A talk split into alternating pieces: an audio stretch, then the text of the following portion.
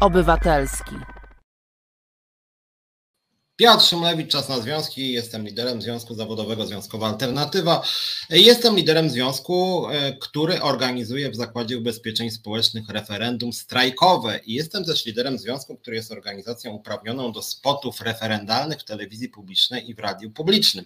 I o tym dzisiaj chciałem sporo powiedzieć. Słuchajcie, uwaga, uwaga, część z Was może już czytała, część nie, mianowicie zostaliśmy pozwani, słuchajcie, pozwani w trybie wyborczym, jak to się mówi, czy w trybie referendalnym, bo chodzi o kampanię referendalną i pozwał nas nie kto inny jak Zakład Ubezpieczeń Społecznych i pani Gertruda Uścińska, więc zostaliśmy pozwani za nasze spoty, więc od razu Polskie Radio i Polska Telewizja musiały nasze spoty puścić, ponieważ nie mają innego wyjścia, to oni są tylko wykonawcą poleceń PKW. PKW uprawniło nas do tego, żebyśmy nasze spoty emitowali w radiu publicznym i w telewizji publicznej i pani Uścińska była bardzo czujna i po kilku dniach zgłosiła właśnie wniosek przeciwko nam e, do Sądu Okręgowego w Warszawie, e, żeby nasz spot został ocenzurowany. E, żebyście wiedzieli o co chodzi i jaki jest przedmiot tego naszego sporu z ZUS-em, to tutaj rozmawiałem z naszą realizatorką, żebyśmy te nasze spoty wyemitowali. Jeden spot jest telewizyjny, znaczy mamy dwa spoty telewizyjne, jeden ma 15 sekund, drugi 35, natomiast ten 35 jest rozwinięciem tego 15-sekundowego, więc pozwólcie, że puszczę Wam ten 35-sekundowy, natomiast nasz taki nazwijmy to podstawowy materiał w radiu. Nie, nie zostały zatrzymane srebrne, zaraz wyjaśnię o co chodzi. Jutro jest rozprawa sądowa o godzinie 9 rano, zaraz wyjaśnię Wam o co chodzi po tym, jak obejrzycie sobie te spoty. E, wracając do, mówiłem, spot telewizyjny 35 sekund, materiał radiowy 2 minuty 28 sekund i to jest materiał, który idzie na głównych ogólnopolskich kanałach Polskiego Radia, Polska, Polskie Radio, ile pamiętam, jedynka, trójka, Polskie Radio 24, Polskie Radio dla zagranicy i również kilka stacji regionalnych. Również ten materiał puszcza, więc to jest można powiedzieć taki główny materiał, najdłuższy, mamy też krótsze tam, gdzie y, te kanały regionalne chcą, żeby materiały były na przykład 50 sekund czy minuta 30, ale pani Uścińska, tak wynika z tego pozwu w trybie wyborczym, pozywa nas za ten materiał 2,28, więc teraz tu do Izy realizatorki proszę, żeby puściła, możesz zacząć od spotu telewizyjnego, a później wysłuchajcie spotu radiowego, łącznie to zajmie mniej więcej 3 minuty, więc jesteśmy, na, znaczy ja jak będzie radiowy zejdę na chwilę z wizji, i oczywiście jak będzie telewizyjny tym bardziej. Natomiast posłuchajcie uważnie i przede wszystkim zwróćcie uwagę na to, co jest w tych spotach o ZUS-ie, cztery zdania. E, I później Wam powiem, za co nas pani Uścińska postanowiła pozwać. W związku z tym puść i za teraz te materiały i zaraz o nich porozmawiamy. Degradacja budżetówki, rozwalona służba zdrowia, polska poczta w ruinie. Nie trzeba Niemców, by bać się o majątek narodowy. Władza rozdaje go żonom, kolesiom i kochankom. Czy tak ma wyglądać bezpieczna przyszłość? Jest nadzieja, bo pojawiła się alternatywa. Związkowa alternatywa to odważny i skuteczny związek zawodowy. Nie pozwolił władzy zniszczyć linii lotniczych LOT. Poprowadził do masowych protestów w skarbówce. Za chwilę może zorganizować pierwszy w historii strajk w ZUSie. Nie chcemy kłamliwych referendów. Chcemy wyższych płat w niedzielę i święta, podwyżek budżetówce, eliminacji umów śmieciowych. Jedyna prawdziwa alternatywa to związkowa alternatywa. Zapyta obywateli o wyprzedaż majątku narodowego. Kłamie, bo sama go marnotrawi. Przez machinacje nieudolnych polityków tracimy miliony. Gdzie jest 70 milionów przepalonych przez Sasina na wybory, które się nie odbyły? Dlaczego wyprzedają rafinerię gdańską saudyjskim zbrodniarzom? Majątek narodowy jest rozdawany między żony, kolesi i kochanki rządowych dygnitarzy. Rodzina Beaty Szydło czy Zbigniewa Ziobry tuczy się na wygodnych posadach w spółkach Skarbu Państwa. Sprzedają nam bajki o centralnym porcie komunikacyjnym, który nie może powstać od pięciu lat i działa jak pas transmisyjny, po którym majątek publiczny zjeżdża do kieszeni partyjniaków. Propaganda władzy mami nas o bezpiecznej przyszłości, a nie potrafi zadbać nawet o podstawowe struktury państwa. Przez głodowe płace i złą atmosferę prawdziwi fachowcy uciekają z państwowych firm.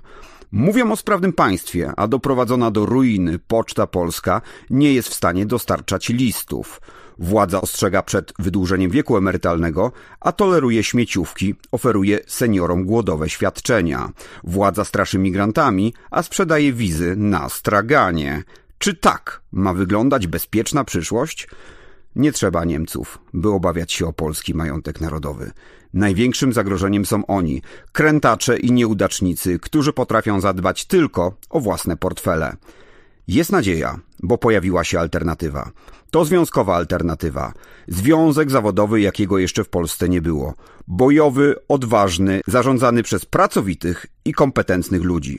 Związkowa alternatywa sprzeciwia się każdej władzy, która niszczy nasz majątek narodowy i gnębi pracowników. Związkowa alternatywa poprowadziła pracowników do masowych protestów w Krajowej Administracji Skarbowej i liniach lotniczych LOT gdzie ludzie władzy zmuszali pracowników do pracy na śmieciówkach i niszczyli związkowców, którzy ośmielili się sprzeciwić. To związkowa alternatywa jest dzisiaj nadzieją pracowników ZUS, gdzie trwa najważniejsze głosowanie w historii tego urzędu. Stawką jest pierwszy w dziejach strajk. Gdy prezeska ZUS Gertruda Uścińska odmawia prawa do legalnego strajku, związkowa alternatywa nieustraszona idzie po swoje. Nie dajemy się zastraszyć, nie boimy się cwaniaków na pasku władzy. Jedyna prawdziwa alternatywa to związkowa alternatywa. No i tak, i to tyle. I ten drugi materiał e, stał się przedmiotem pozwu sądowego pani Gertrudy Uścińskiej i prawników. Sami, że tak powiem, zgadujcie na szybko, o co tutaj chodzi. E, to już nawet nie można mówić, że chce się zorganizować strajk. Srebrny Art pyta, pewnie pani Uścińska się wystraszyła, że spoty jeszcze bardziej wypromują w ostatnich jego dniach referendum strajkowe ZA. No i właśnie, e, trochę tak, ale e, teraz Wam przedstawię ten pozew, który nie jest długi, on ma dwie strony uzasadnienia, ma 40 uzasadnienia, Wam nie będę szczegółowo czytać, tym bardziej, że to są głównie mm, załączniki. Więc powiem Wam o co chodzi, bo to jest konstrukcja e, tyleż zabawna, nie opasek władzy też nie, tyleż zabawna, co moim zdaniem haniebna i pokazująca, jak bardzo władza próbuje wykorzystać każdą okazję, by zamknąć usta niezależnym związkom zawodowym.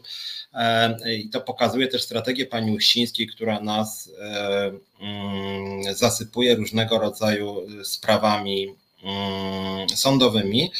E, oczywiście te sprawy sądowe są e, zazwyczaj płatne, chociaż w tej sprawie reprezentował związkową alternatywę mecenas Piotr Szumlewicz.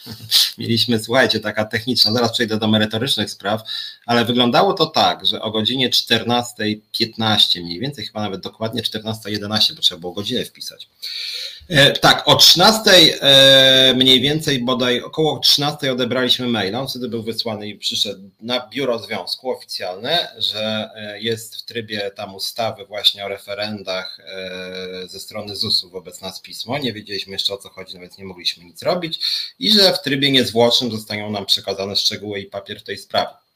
O godzinie 14.11 przyszedł do nas pewien człowiek, że tak powiem, z sądu o 14.11 odebraliśmy pismo e, w Biurze Związkowej Alternatywie na ulicy Czackiego 3 na 5 i uwaga, uwaga, przeczytaliśmy. E, ja zadzwoniłem też do sądu, gdzie znalazłem telefon i spytałem się pani z biura, szefowej biura, jak my możemy odpowiedzieć na to pismo. I uwaga, uwaga, otrzymałem odpowiedź, że mamy możliwość odpowiedzenia na to pismo ZUS-u przeciwko nam do godziny 16 dzisiaj, 14.11 odebraliśmy, do 16 musimy dać odpowiedź i odpowiedź nie może być przesłana przez ePUAP, nie może być przesłana elektronicznie przez żaden portal sądowy, odpowiedź musi być przyniesiona do sądu przy Alei Solidarności 127 do Sądu Okręgowego w Warszawie. Więc o godzinie 14.11 dostaliśmy godzinę 49 minut na to, żeby napisać odpowiedź i ją przywieźć do Sądu Okręgowego w Warszawie przy Alei Solidarności. W związku z tym cała odpowiedź musiała trwać nie więcej jak godzinę. No to też są już godziny, kiedy Warszawa zaczyna się powoli od trzeciej e, korkować. W związku z tym musieliśmy się by tak rzec, bardzo spieszyć. Tak? Godzinka na odpowiedź, jutro o 9 rano jest sprawa sądowa, bo to jest ten tryb 24 godziny i po wyroku jeszcze kolejny jeden chyba dzień na apelację, jakby ktoś chciał. Eee, no, więc tak to wyglądało. Teraz przechodząc do istoty sprawy, czy Gertruda by chciała mieć dwie minuty w radiu. No słuchaj, Julo, Gertruda to chyba ma w radiu tyle, ile chce, jak Gertruda chce być zaproszona do radia publicznego czy telewizji, to jest zapraszana po prostu. Więc chyba nie o to do końca chodzi. Chyba chodzi o to, że zdenerwowała się w ogóle, że jest mowa o referendum strajkowym w ZUS-ie i postanowiła nam zamknąć ustawę. O co chodzi dokładnie, żeby też nie zniekształcić światłej myśli pani Gertrudy Uścińskiej i jej prawników? Eee, tak, oni mogli sobie pisać ile tam czasu chcieli, no tak to właśnie wygląda. Znaczy taki jest ten tryb szybki 24, tylko no kurczę, godzinę, to tak. I, znaczy, ja bym jeszcze zrozumiał, jakby, jakby można było elektronicznie wysłać, więc byłem zdumiony, że nie można przez ePUAP, tylko trzeba osobiście zawieźć to samo dowiezienie. No, pół godziny co najmniej. No ale dobra, już o tym mówiliśmy. Przejdźmy do istoty sprawy. Wniosek w trybie artykułu 44 ustawy o referendum ogólnokrajowym. Ten artykuł 44 mówi właśnie o tym, że można właśnie pozywać i skarżyć, jak się ktoś z kimś nie zgadza. Działając w imieniu Zakładu Ubezpieczeń Społecznych na podstawie udzielonego pełnomocnictwa, no bo tutaj prawników oczywiście pani Gertrasę wynajęła dwóch, nawet nie jednego. Mm, e, e, wnoszę, o, ZUS wnosi, oboczcie, w imieniu ZUS-u, to jak zwykle nie jest indywidualna sprawa pani Gertrudy, tylko ona wydaje pieniądze ZUS-owskie. Zakazanie uczestnikowi, uczestnikowi referendum, czyli związkowej alternatywie, rozpowszechniania informacji nieprawdziwych w słowach. I uwaga, to jest te kilka słów. Gdy prezeska ZUS, byliśmy poprawni politycznie, nawet się w to nie wsłuchiwałem, gdy prezeska ZUS Gertruda Uścińska odmawia prawa do legalnego strajku. Koniec cytatu.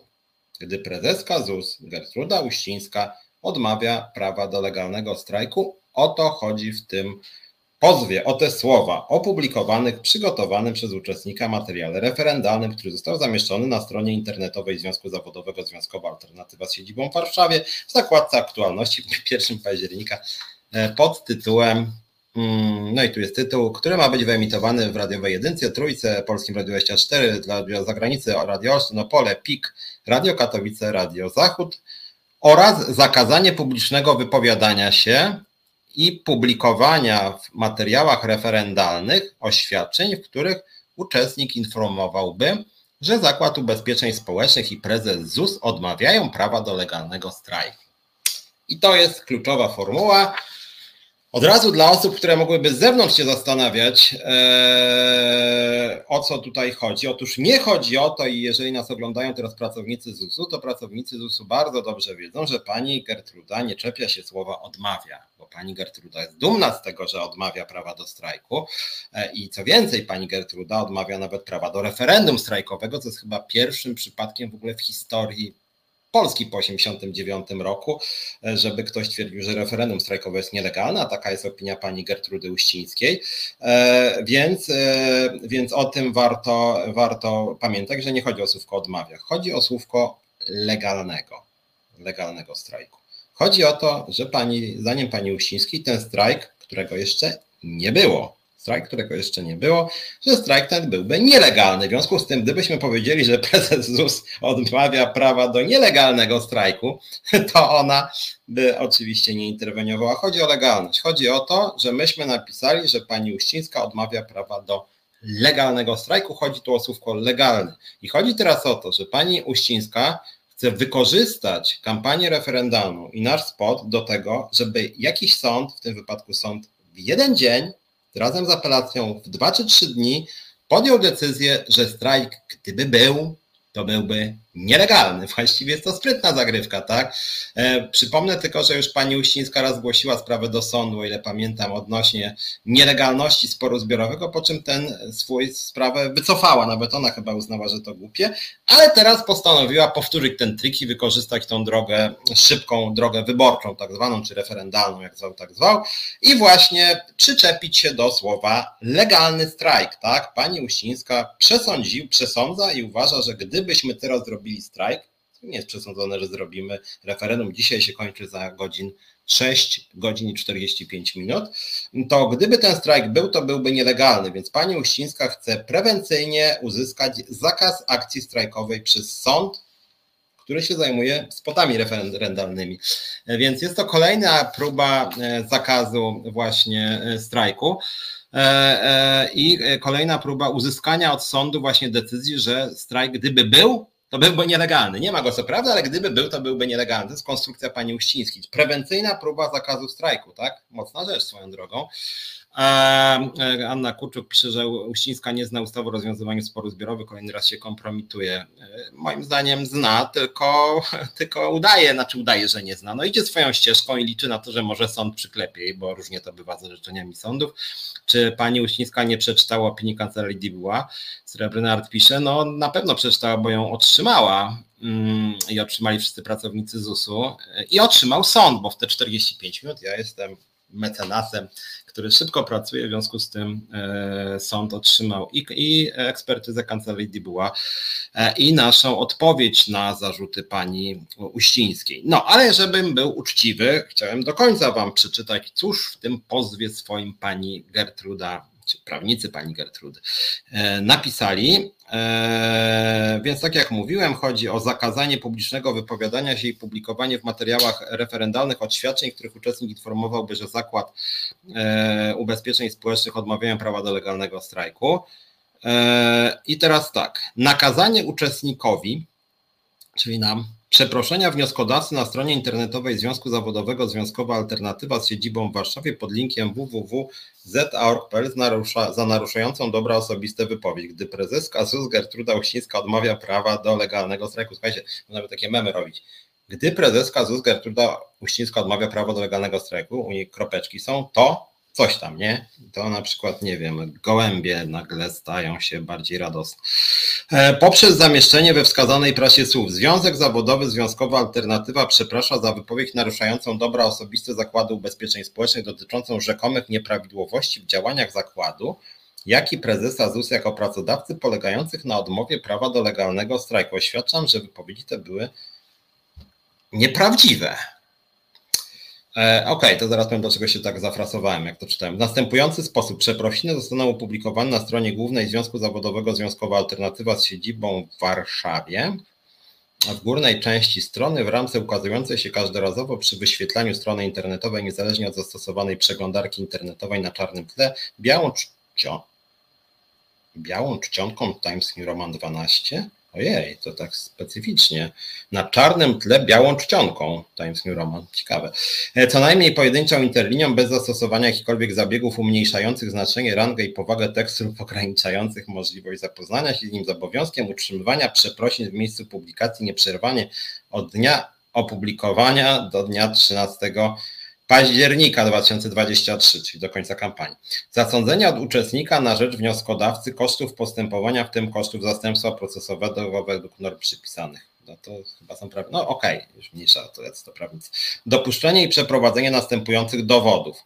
Z nagrania materiału referendalnego zamieszczonego na stronie internetowej Związku Zawodowego Związkowa Alternatywa z siedzibą w Warszawie w zakładce aktualności w dniu 1 października 2023 pod linkiem z.org.pl nasze materiały referendalne w Polskim Radiu celem wykazania faktu, że uczestnik powiedział, gdy prezeska ZUS Gertruda Uścińska odmawia prawa do legalnego strajku kropeczki. Druga minuta, druga sekunda, to co słuchaliście. Wydruku ze strony internetowej to są dopuszczone dowody w sprawie naszego przestępstwa. Wydruku ze strony internetowej uczestnika celem wykazania upublicznienia przez uczestnika nagrań materiałów referendalnych w ramach kampanii referendalnej, w ramach którego padły nieprawdziwe informacje dotyczące Zakładu Ubezpieczeń Społecznych, wydruku ze strony internetowej Państwowej Komisji Wyborczej celem wykazania, że uczestnik jest podmiotem uprawnionym do prowadzenia nieodpłatnej kampanii w mediach publicznych, to odnotowała na podstawie ustawy z dnia 14 marca o referendum ogólnokrajowym, pisma wnioskodawcy z dnia 20 i, o, i to jest dowód, który my byśmy też załączyli. Pani Uścińska załącza pismo wnioskodawcy z dnia 22 sierpnia 2023 skierowanego do Związku Zawodowego Związkowa Alternatywa w ZUS celem wykazania stanowiska ZUS jako pracodawcy do braku wszczęcia legalnego sporu zbiorowego i wskazanej w nim argumentacji wobec zgłoszonego przez ten związek postulatu.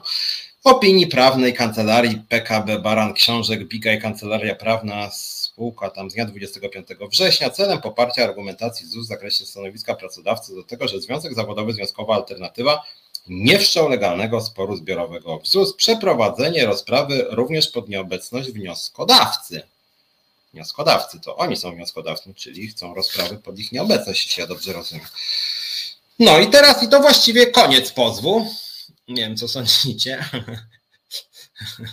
E, podobno złapali tę Gertrudę chyba w Dubaju.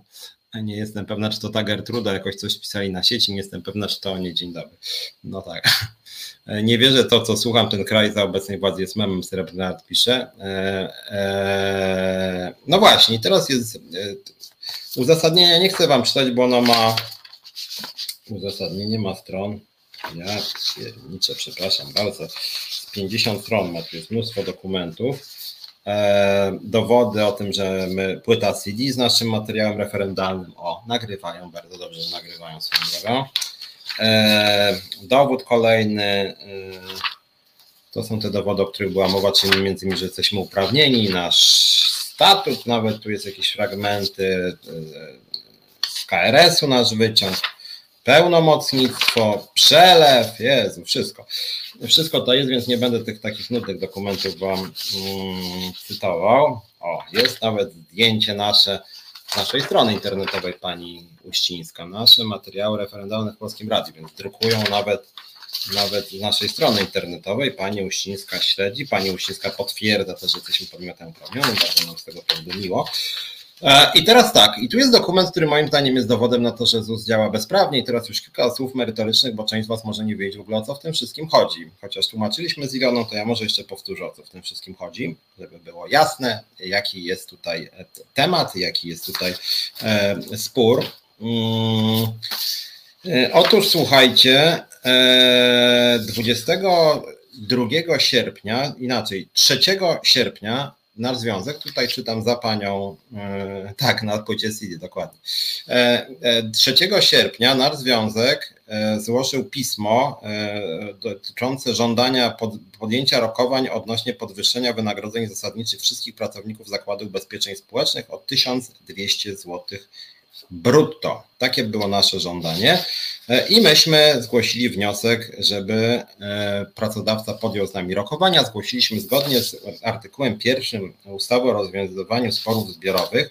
Zgłosiliśmy wniosek o to, że wchodzimy w spór zbiorowy. Spór zbiorowy to jest taki właściwie podstawa działania związku zawodowego w przedsiębiorstwie, a zgodnie z artykułem pierwszym ustawy o rozwiązywaniu sporów zbiorowych każdy związek zawodowy może właśnie wchodzić w spory zbiorowe, które mają dotyczyć zbiorowych interesów ludzi pracy. I większość sporów zbiorowych w Polsce jest na tle, jak się domyślacie, płacowym, czyli na przykład podwyżka płac o 100 zł, o 500 zł, o 1000 zł, o 2000 zł, o 15%, 40%.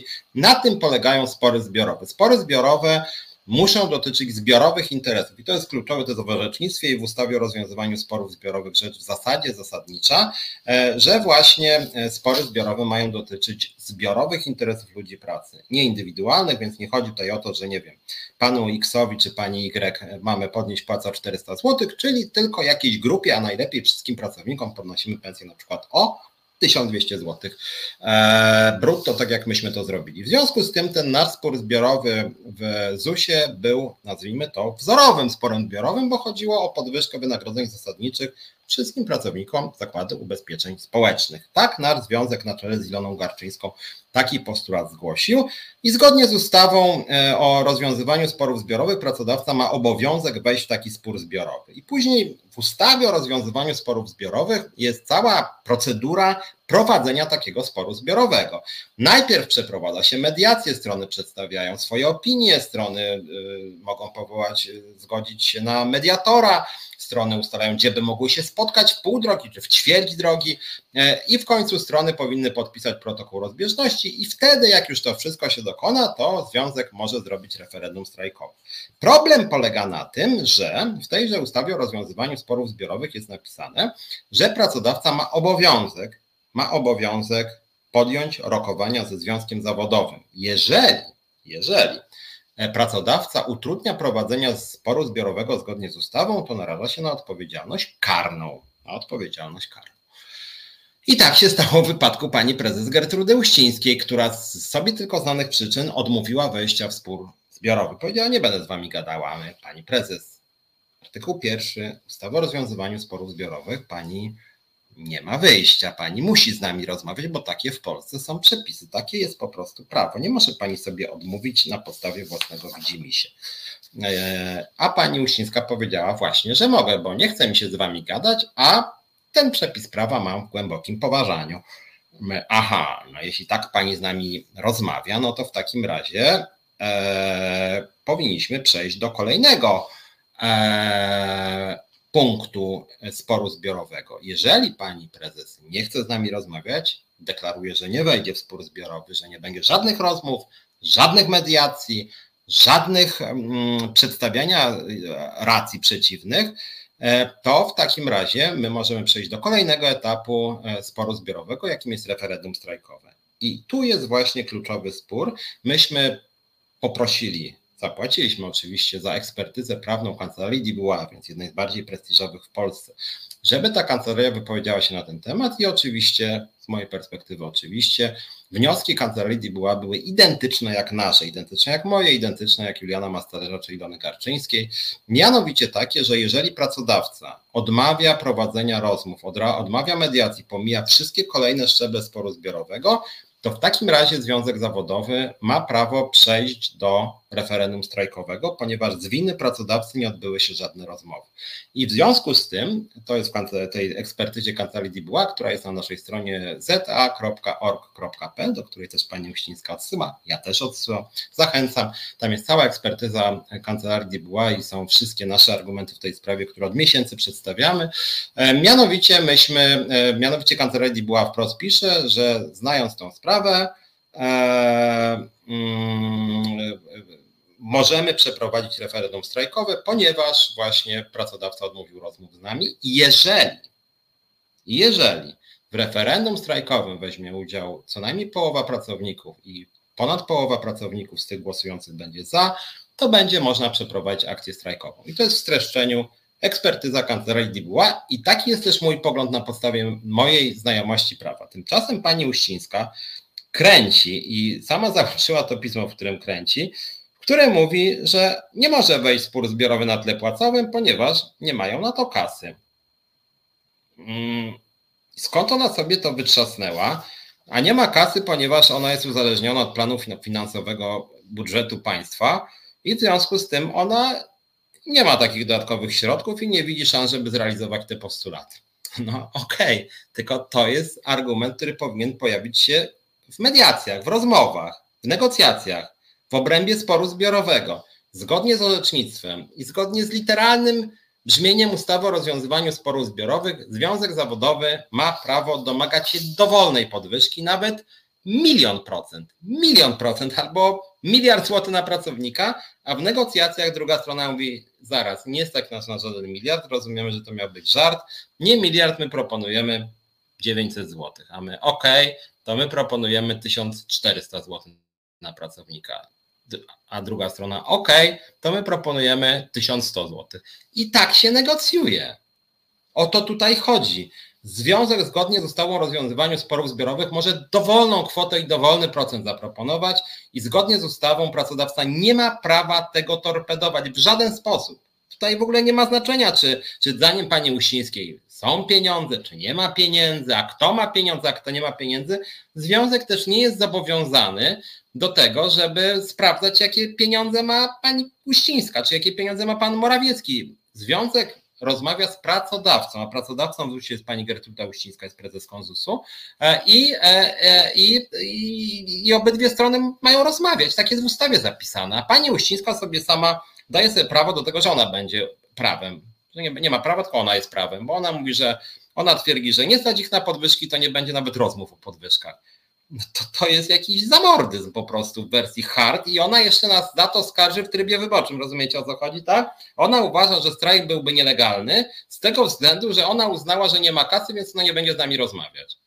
No to jest jakiś po prostu, znaczy mi się to trochę w głowie nie mieści, jakich trzeba mieć albo głupich prawników, albo jak małą trzeba mieć wiedzę odnośnie E, ustawy o rozwiązywaniu sporów zbiorowych, jak bardzo trzeba nie znać prawa, czy jakim wielkim trzeba być zamordystą.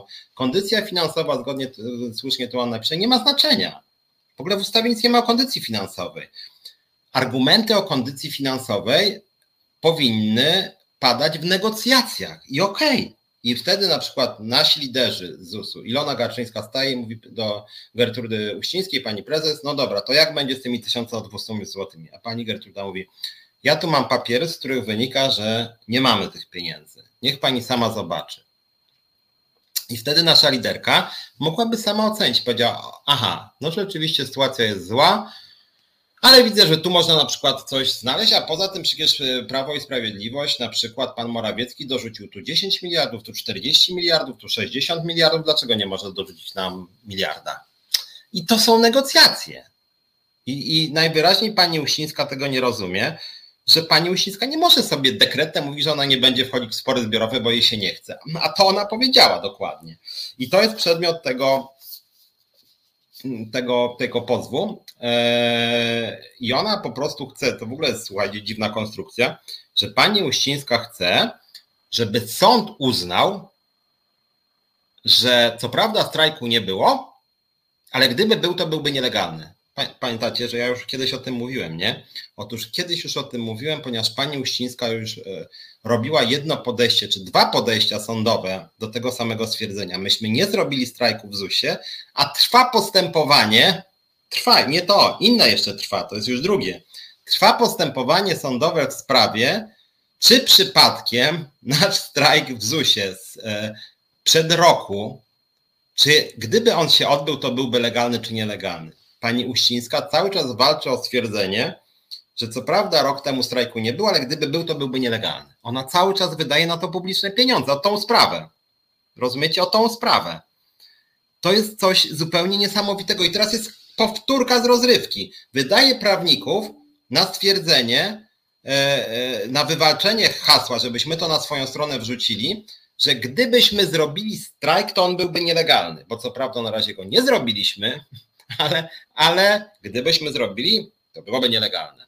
I e, jak ona mówi, że nam nie wolno mówić o, tym legalnym strajku, to ona chce dać do zrozumienia, że czego byśmy nie zrobili, to zawsze strajk byłby nielegalny. No przecież to jest nawet w PRL-u tak nie było. To jest jakiś, jakiś PRL wersji hard, żeby sugerować sądowi, żeby ten przyklepał opcję, że co prawda strajku to wy na razie jeszcze nie robicie, ale gdybyście zrobili, to na czas nieokreślony będzie nielegalne. O to chodzi pani Uścińskiej. I niesamowite to jest moim zdaniem. Ja jestem jakby zszokowany prawnie, bo już trochę prawo znam, że to jest dosyć niezwykłe. E, to nie kwestia wiedzy, tylko poglądów politycznych. No tak, masz rację, Srebrna, tej babki nawet na zmog bym nie zatrudnił, takie ma kompetencje. A czy wiesz co, Paulus, najsmutniejsze jest to, że ona w sumie ma sporą wiedzę na temat polityki społecznej, tylko niestety woda sodowa jej e, uderzyła ze względu na, e, na bliskie kontakty z władzą. No krótko mówiąc, władza deprawuje, no, jak się jest w tych strukturach, człowiekowi zaczyna coś odbijać, to że ona po prostu zasypuje nas pozwami, skargi do prokuratury jakieś, jakieś skargi do sądów cywilnych, do sądu karnego, kurczę. No w ogóle czy naprawdę ktoś się powinien już tam dawno zwolnić? Ponoć słyszałem, były plotki, że sama się chciała zwolnić, no ale to jakby zachowanie potwierdza, że ona cały czas tam wariuje. E, Bayerberg będzie zdanko na plakaty wyborcze. Chciałam zaoszczędzić pieniądze i czas spuszczając na drzewo lewactwo z jakiegoś związku zawodowego. Podatnik powinien wziąć rachunek na prawników i ją zczardzować. no tak, ciekawe Piotrze, to pani jest przekonana, że w Polsce jest już jak w putinowskiej Rosji. To znaczy niestety pod pewnymi względami tak jest i tu nie chodzi Putina przytaczać, tylko w każdym autorytarnym kraju. Ręczne sterowanie, zastraszanie niewygodnych organizacji, niezależnych związków zawodowych. No to jest niestety pani Uścińska, która to właśnie robi. E, I to, że ona sama nawet przysyła nam papiery, w których sama potwierdza, że ona nie zgadza się na strajk, że ona nie zgadza się na spór zbiorowy nawet. To jest coś zupełnie niesamowitego, więc ja muszę powiedzieć, że rzecz jest dosyć, y, dosyć szokująca. E, no jeszcze poczytam sobie chętnie, no ale to już później te, tej ekspertyzy prawnej. No widzę, że to wcale nie do końca jest tak, jak ona by sugerowała. E, no ale poczytam. No w każdym razie, jak widzicie, jakby pojawił nam się nowy, że tak powiem, mm, temat, którego jeszcze chciałem, nie chciałem o tym dzisiaj mówić, to się pojawiło dzisiaj, że pani Uścińska nas y, pozywa po raz kolejny, więc kto wie, może pozwie nas jeszcze, jeszcze jeden raz, y, więc to taki news na dzisiaj. Y, a w tym kontekście jeszcze Wam tylko przypomnę, dawno Wam nie mówiłem o naszej zrzutce. Jak widzicie, coraz więcej mamy problemów prawnych, też ja chcę zatrudnić w Związkowej Alternatywie prawnika niedługo, czy prawniczkę na przynajmniej ćwierć etatu, więc tu jest zrzutka, jak chcecie nam pomóc, to bardzo będę wdzięczny. Te pieniądze w 100% są przeznaczane na, na nasze e, wydatki bieżące, na takie sprawy jak z panią Uścińską, bo cel, nie oszukujmy się, pani Uścińskiej jest właśnie taki, żeby nas e, no, finansowo zaorać, że tak powiem. Ona wie, że tego typu sprawy kosztują. E, sama wydaje publiczne pieniądze na procesy z nami i liczy na to, że my w końcu zbankrutujemy, czy nie będziemy jak się bronić. E, tak jak mówiłem, tą sprawę dzisiejszą ja osobiście odpowiedziałem na ten mm, pozew ZUS-owski, no natomiast to oczywiście zajmuje czas, to odwraca od innych problemów i taki jest też cel władzy, tak? Tak naprawdę chodzi właśnie o to, żeby tak zaorać, zniechęcić, e, zająć czas, sprawić, że się będziemy stresować, że, że, że, że, że, że, że nie będzie nas na nowych pracowników, no to jest właśnie tego typu działania, oczywiście o to chodzi, bo tak patrząc z boku, no to to jest taka złośliwość, bo jak ktoś by powiedział, no dobra, naruszenie dóbr, no to jakbyśmy, nie wiem, w jakimś spocie powiedzieli, że nie wiem, że Uścińska jest, no nie wiem, złodziejką, że Uścińska w mafii działa, tego typu rzeczy, tak, to bym się nie zdziwił, jakby pozwała nas w trybie wyborczym, to są kłamstwa. Ale po prostu pozywać związek zawodowy o to, że ten twierdzi, że jest szansa na legalny strajk. Strajk, który jest wpisany w ogóle w uprawnienie do konstytucji. Nie tylko w ustawie o rozwiązywaniu sporów zbiorowych. To jest jedno z głównych uprawnień związków zawodowych. I ona się czepia tego, że naszym zdaniem strajk byłby legalny. A warto pamiętać o tym, że w Polsce, odkąd pamiętam, zawsze, zawsze pracodawcy uważali, że każdy strajk jest nielegalny i zazwyczaj legalność strajku albo była rozstrzygana dwa lata już po samym strajku, bo tak w Polsce sądy działają, albo strajk był uznawany za legalny w porozumieniu postrajkowym, gdzie można wszystko wpisać. I można wpisać między innymi, nawet jak pracodawca długo mówił, że nie uznaje strajku, to na bazie porozumienia postrajkowego wpisywał, że że nie będzie e, szedł do sądu, że strajk jest nielegalny. Natomiast niezależnie od wszystkiego, to, że pani Uścińska jako pierwsza chyba znana mi pracodawczyni, pracodawca w Polsce uważa, że samo referendum strajkowe jest nielegalne. To jest już kosmos, słuchajcie. Ja o tym trochę mówiłem tydzień temu, więc jak nas oglądają też pracownicy ZUS-u, to od razu powiem. Słuchajcie, nie ma w polskim prawie czegoś takiego jak nielegalne referendum. To jest jakiś twór wymyślony przez panią Uścińską. Referendum strajkowe to ja sobie mogę zrobić we wszystkich zakładach w Polsce. Ja, Piotr Szumlewicz. Nie musi to być nawet związkowa alternatywa ZUS. Ja co mogę robić. Referendum na zasadzie, słuchajcie pracownicy, to może odpowiedzcie mi na pytanie, ile byście chcieli zarabiać. Referendum robię. Nie ma nielegalności tego typu działań. To jest jakiś kuriozum. Po prostu to jest większy zamordyzm niż w PRL-u był znacznie. To jest jakiś frankizm po prostu. Referendum jest zawsze legalne. Ewentualnie można mówić, czy referendum jest wiążące. To jest zupełnie co innego. Można na przykład uważać, że nie wiem, że związek ogłosi, że ma 60%, a pracodawca będzie miał sygnał, że nie 60, tylko 40. Albo, że na przykład referendum jest niewiążące, bo no nie wiem, bo nie było mediacji, tak? Na przykład.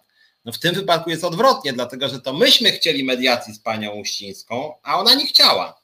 Zdarza się tak, że związki chcą ominąć tą, ten, to, tę mediację i szybko przejść do referendum strajkowych.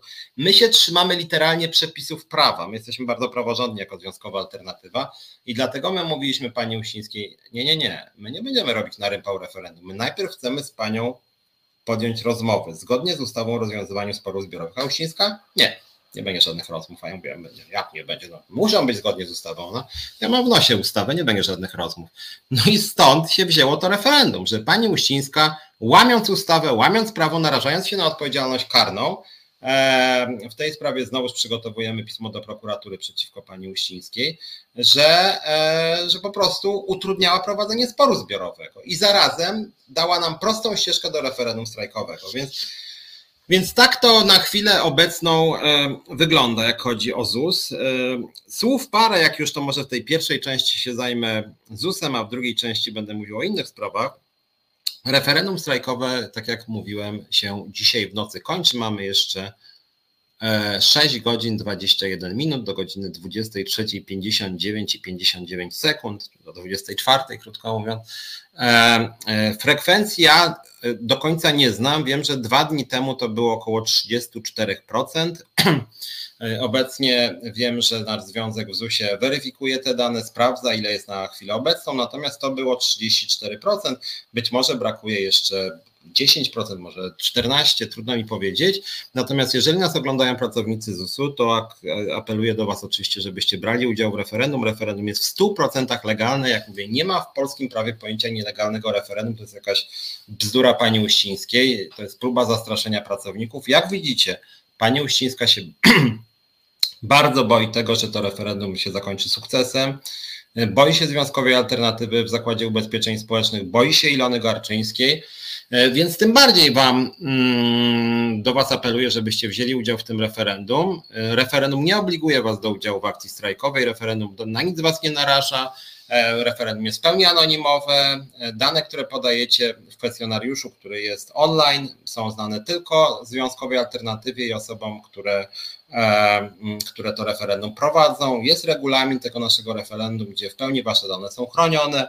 W związku z tym możecie spokojnie głosować i zapewniam Was, jeżeli by w referendum wzięło udział ponad 50% osób i z tego ponad 50% byłoby za, to zapewniam Was, że pieniądze na podwyżki by się znalazły znalazłyby się, bo pani Uścińska boi się nawet wspomnienia w radiu o legalnym strajku. Ona się boi nawet to słowo jak płachta na byka, to sformułowanie na jak na płachta byka, zrobić strajk, który jeszcze byłby legalny. Tak się przeraziła, że aż idzie do sądu w trybie wyborczym.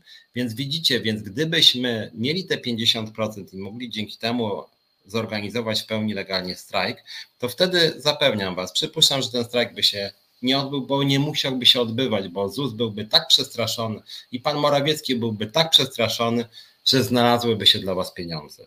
Przypominam, my w tym referendum zadajemy jedno pytanie. Czy jesteś za tym, żeby wzrosły wynagrodzenia zasadnicze o 1200 zł brutto z wyprzedzeniem od lipca, od 1 lipca 2023 roku? Powtarzam, jeżeli byście zagłosowali w tym referendum i frekwencja przekroczyłaby 50%, Zapewniam Was, Pani Uścińska podniosłaby Wam pensję. Czy o 1200, czy o 900? Można dyskutować, ale polskie państwo nie chciałoby przed wyborami mieć dzikiej awantury w ZUS-ie. Dałoby Wam te podwyżki. W związku z tym naprawdę macie niepowtarzalną szansę, takich szans nie było w ostatnich latach, żeby rzeczywiście po prostu wywalczyć dla siebie podwyżki godne, po prostu wygrać tą sytuację. I nawet nie musielibyście strajkować, wystarczyłoby, żebyście zagłosowali w referendum i jak mówię, pracodawca na tyle by się przestraszył, że moim zdaniem byście te pieniądze po prostu otrzymali. Czy te, czy trochę mniejsze, ale podwyżki mielibyście duże. Ja przypomnę tylko, że w ubiegłym roku, to już było ponad rok temu, zaraz to był 4 lipca, zwołaliśmy referendum strajkowe w Zakładzie Ubezpieczeń Społecznych na 4 lipca.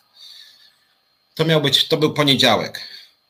I 3 lipca, kilka dni przed 3 lipca, pani Uścińska zwołała spotkanie ze wszystkimi związkami zawodowymi. I co się okazało? Że okazało się, że pani Uścińska i bardziej może nawet pan Morawiecki znaleźli w budżecie dodatkowe 600 zł na pracownika. Nie było tego w planach. Oni się tak przerazili tego referendum strajkowego wtedy, że z dnia na dzień, z dnia na dzień znaleźli po 600 zł na pracownika. I co?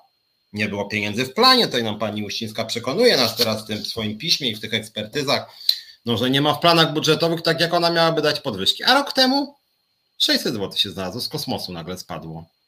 Miał tyle ZUS? Nie miał. Polskie państwo się obudziło i nagle jak pracownicy wstali, wstali e, z kolan, to nagle, e, to nagle się okazało, że są pieniądze. I znalazło się 600 zł na pracownika. Pani Uścińska się wtedy wściekła dodatkowo, bo myśmy powiedzieli, OK, niech pani da te 600 zł, ale naszym zdaniem to jest jeszcze za mało. My nie podpisujemy porozumienia, które zamyka nam usta. I wtedy była dzika awantura. Niemniej jednak dodatkowe pieniądze się znalazły. I teraz też by się znalazły, gdybyście e, w większości wzięli udział w referendum.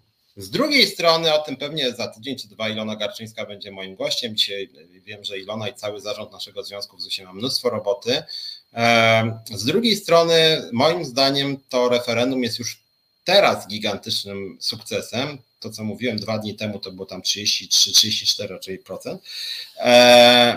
I pamiętajcie o tym, że nas jest, nasz jest nas jest kilka, tysiąc kilkaset, że tak powiem. 1300, 400, może dobija do 1500. Pracowników ZUS-u jest 43 tysiące. W referendum wzięło udział już no, rzędu 15 tysięcy. Powtarzam, nas nie ma jeszcze 1500, może dobija. W referendum wzięło udział 10 razy tyle ludzi. 10 razy tyle ludzi, co jest Związkowej Alternatywy, wzięło udział w referendum organizowanym przez Związkową Alternatywę. W związku z tym pani Uścińska też boi się bo nawet jeżeli teraz by nam się nie udało, to moglibyśmy sobie zwołać referendum na przykład za trzy miesiące. I wtedy już mogłoby być na przykład nie 37%, tylko 57%. Za pierwszym razem rok temu robiliśmy referendum, frekwencja wyniosła 8,5%. A rok temu myśmy robili referendum strajkowe, wrzesień, o ile pamiętam, e, rocznica właściwie mija, 8,5%. Teraz, jak mówię, już przekroczyło 33-34. W związku z tym, w związku z tym mobilizacja jest bardzo duża. ZUS to jest instytucja, w której nigdy nie było w zasadzie protestów, nigdy nie było strajków pracownicy byli, że tak powiem, bardzo ospali. Związki zawodowe były moim zdaniem sprzedane na czele z OPZZ-em, Solidarnością i Forum, szczególnie OPZZ, to jest jakiś dramat w Zakładzie Ubezpieczeń Społecznych. To są takie, to, to jest taki związek i w ogóle te wszystkie trzy związki to są takie związki, które działają mm, na rzecz tego, aby się nic nie zmieniło, aby wszystkie te układy zostały takie same, żeby ci liderzy też byli poukładani z pracodawcą, żeby nigdy nic się nie zmieniło po prostu. Więc moim zdaniem działają na szkodę pracowników i na szkodę swoich związkowców. I nagle przyszła taka Ilona Garczyńska i zaczęła ostrzej działać i teraz się okazuje, że ludzie zaczęli jednak za nią iść po prostu, tak? Rok temu, powtarzam, 8,5, teraz, teraz już około 35. W związku z tym ponad 4 razy tyle. W związku z tym jest gigantyczne przebicie e, i, i, i duża mobilizacja. No więc tak to, e, tak to wygląda. Mówiłem już, nie chcę powtarzać się o tym, dlaczego pracodawcy tej plecie bzdury. Liczę też na to, że jutro wyrok będzie e, w tej sprawie zgodny z naszymi oczekiwaniami. No, trudno mi sobie nawet wyobrazić, jakby sąd miał orzec, że strajk, który się nie odbył, byłby nielegalny. To byłby taki, bym powiedział, perelowski wyrok, więc wątpię, żeby do tego doszło, ale różnie bywa. No jakby doszło, to byśmy się, przypuszczam, odwoływali do sądu apelacyjnego, wtedy też jest bardzo szybka e, ścieżka, e, więc warto, warto o tym pamiętać. Trzymajcie kciuki, ja będę to relacjonował. Jutro o dziewiątej jest ta sprawa sądowa, ja na niej będę osobiście, pewnie jeszcze ktoś od nas będzie, chętnie jeszcze sądowi poopowiadam co wiem o sprawie i jak ją widzę. E, ciekaw jestem, czy ktoś się jednak stawi ostatecznie z Zakładu Ubezpieczeń Społecznych. E, natomiast podsumowując, na naszej stronie umieściliśmy taki, taki tekst 5 faktów i 5 mitów w Zakładzie Ubezpieczeń Społecznych, więc tylko podsumowując ten temat, po pierwsze jesteśmy legalnie istniejącym związkiem zawodowym, który skupia już blisko 1500 pracowników ZUS-u. Rok temu to było no chyba około trzykrotnie mniej. Naprawdę szybko rośniemy w ZUS-ie. E, po drugie, referendum strajkowe jest efektem wejścia związków e, spór zbiorowy i tego, że pracodawca nie chciał z nami rozmawiać e, i dlatego mogliśmy wejść w to referendum strajkowe tak szybko. Po trzecie, każdy pracownik ma prawo wziąć udział w referendum. Mm, jego dane są bezpieczne, nie, są, nie zostaną przekazane pracodawcy ani nikomu innemu. Eee, kolejna sprawa, postulat jest jeden, czyli podwyżka wynagrodzenia 1200 zł brutto. Oddanie głosu na tak jest głosem poparcia dla wyższych zarobków.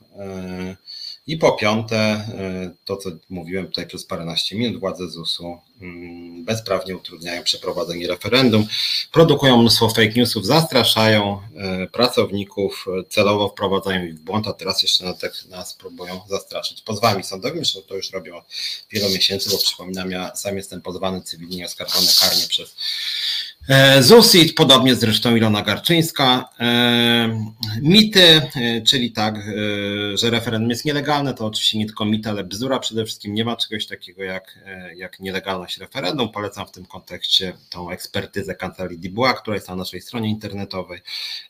Po drugie, ZUS co pewien czas powtarza, że my rzekomo nie istniejemy w ZUSie. Otóż jest nas blisko już 1500 osób i mówi, że nie istniejemy, to jest już naprawdę taki bym powiedział zamordystyczny myk, taka fraza zamordystyczna, że pani Uścińska uważa, że dekretem może sobie kogokolwiek delegalizować? Nie może, nie może pani, pani prezes nikogo delegalizować. Po trzecie, y, bzdurą jest, że pracownicy nie mają prawa do strajku. Pracownicy USU mają prawo do strajku. To nie jest instytucja wyłączona z prawa do strajku. Każdy związek ma prawo do wchodzenia w spory zbiorowe, każdy związek ma prawo do mediacji, negocjacji, każdy związek ma prawo do organizacji referendum.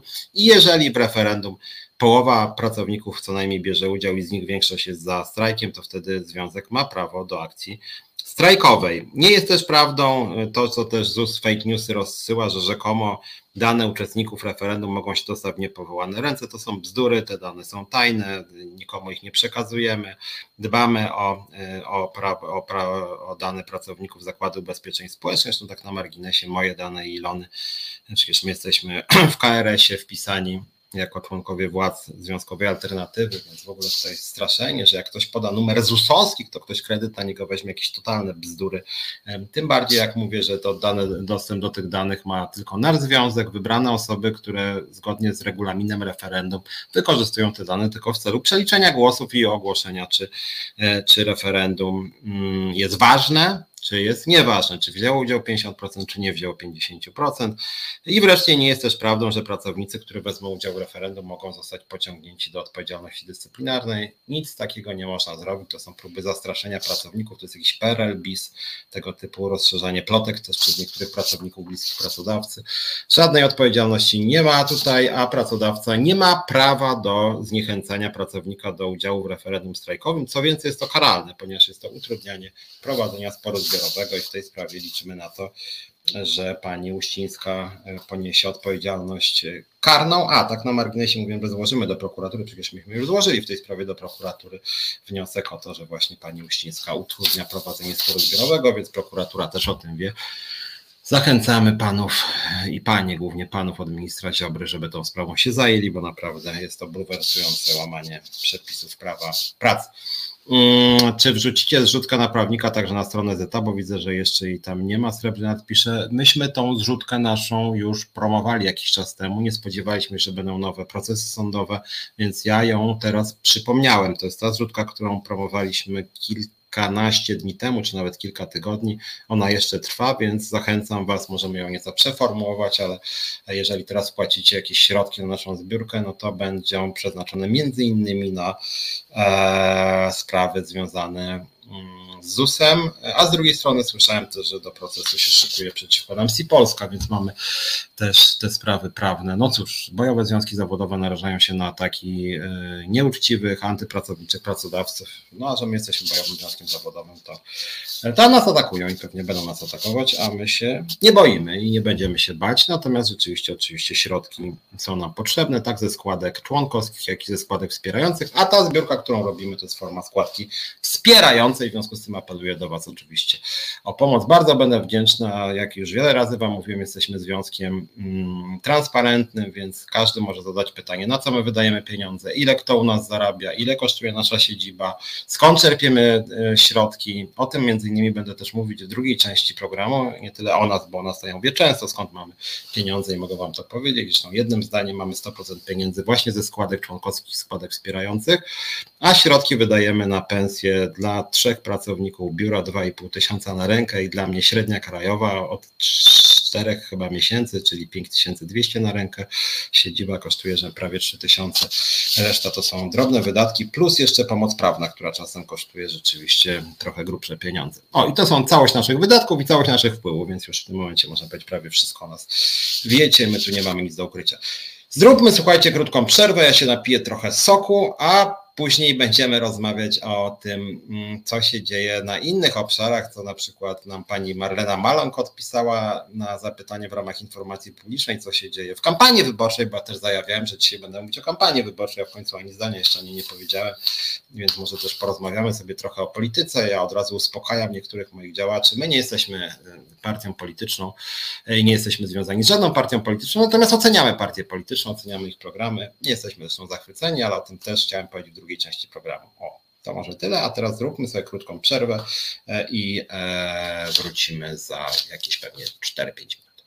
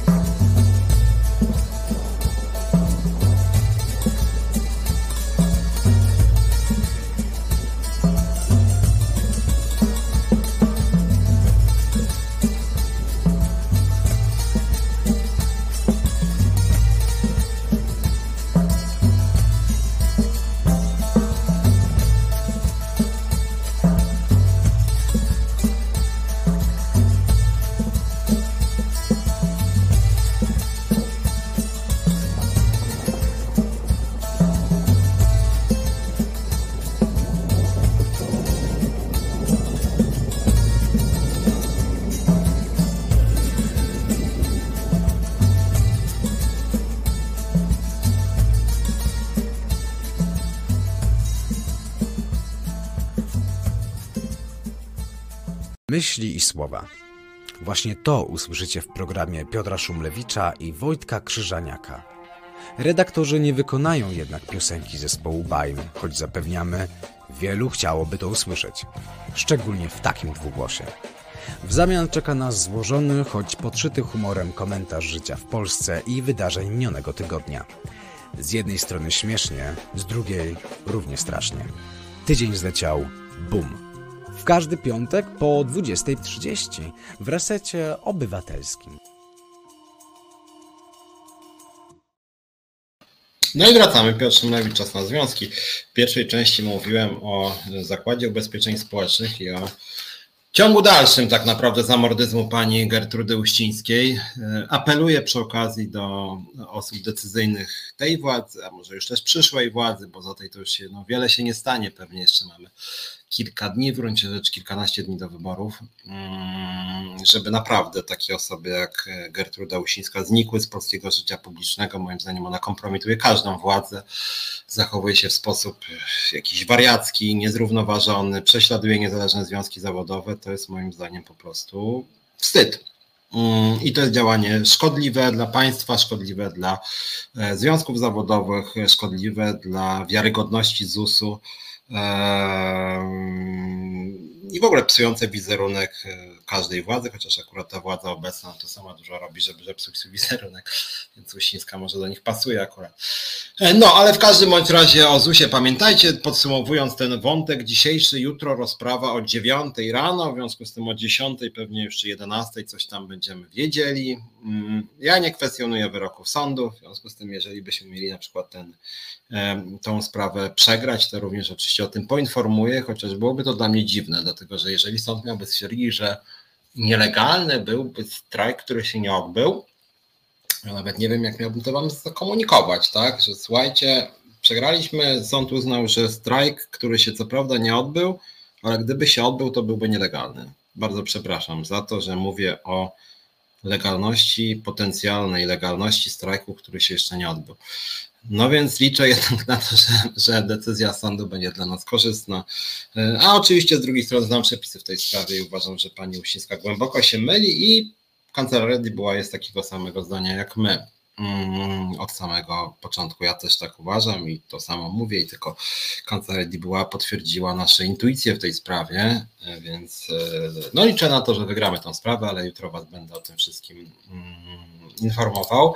E, no, ale mówiłem, że chciałem też pomówić o innych sprawach w tej drugiej części programu.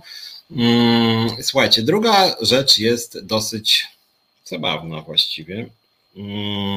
Otóż dwa miesiące temu, mm, tak, dwa miesiące, chyba nawet równo dwa miesiące temu, wysłaliśmy do minister rodziny i polityki społecznej. Tak, czytam, dlatego że ciągle jakby sam zapominam, że w Polsce nie ma Ministerstwa Pracy. Jesteśmy chyba jedynym krajem w Unii Europejskiej, gdzie praca jest na tyle mało ważna, że nie ma żadnego ministerstwa, które by było Ministerstwem Pracy właśnie, pracy i czegoś, po prostu nie ma. Mm, jest Ministerstwo Rodziny i Polityki Społecznej. Ja kiedyś zapytałem pana premiera, kancelarię, kto odpowiada za sprawy związane z rynkiem pracy, czy w ogóle jest ktoś taki, to dostałem odpowiedź, że tym kimś jest minister rodziny i polityki społecznej. To zresztą charakterystyczne, że w Polsce praca sprowadza się właśnie do rodziny i polityki społecznej. Nie jest samoistną wartością.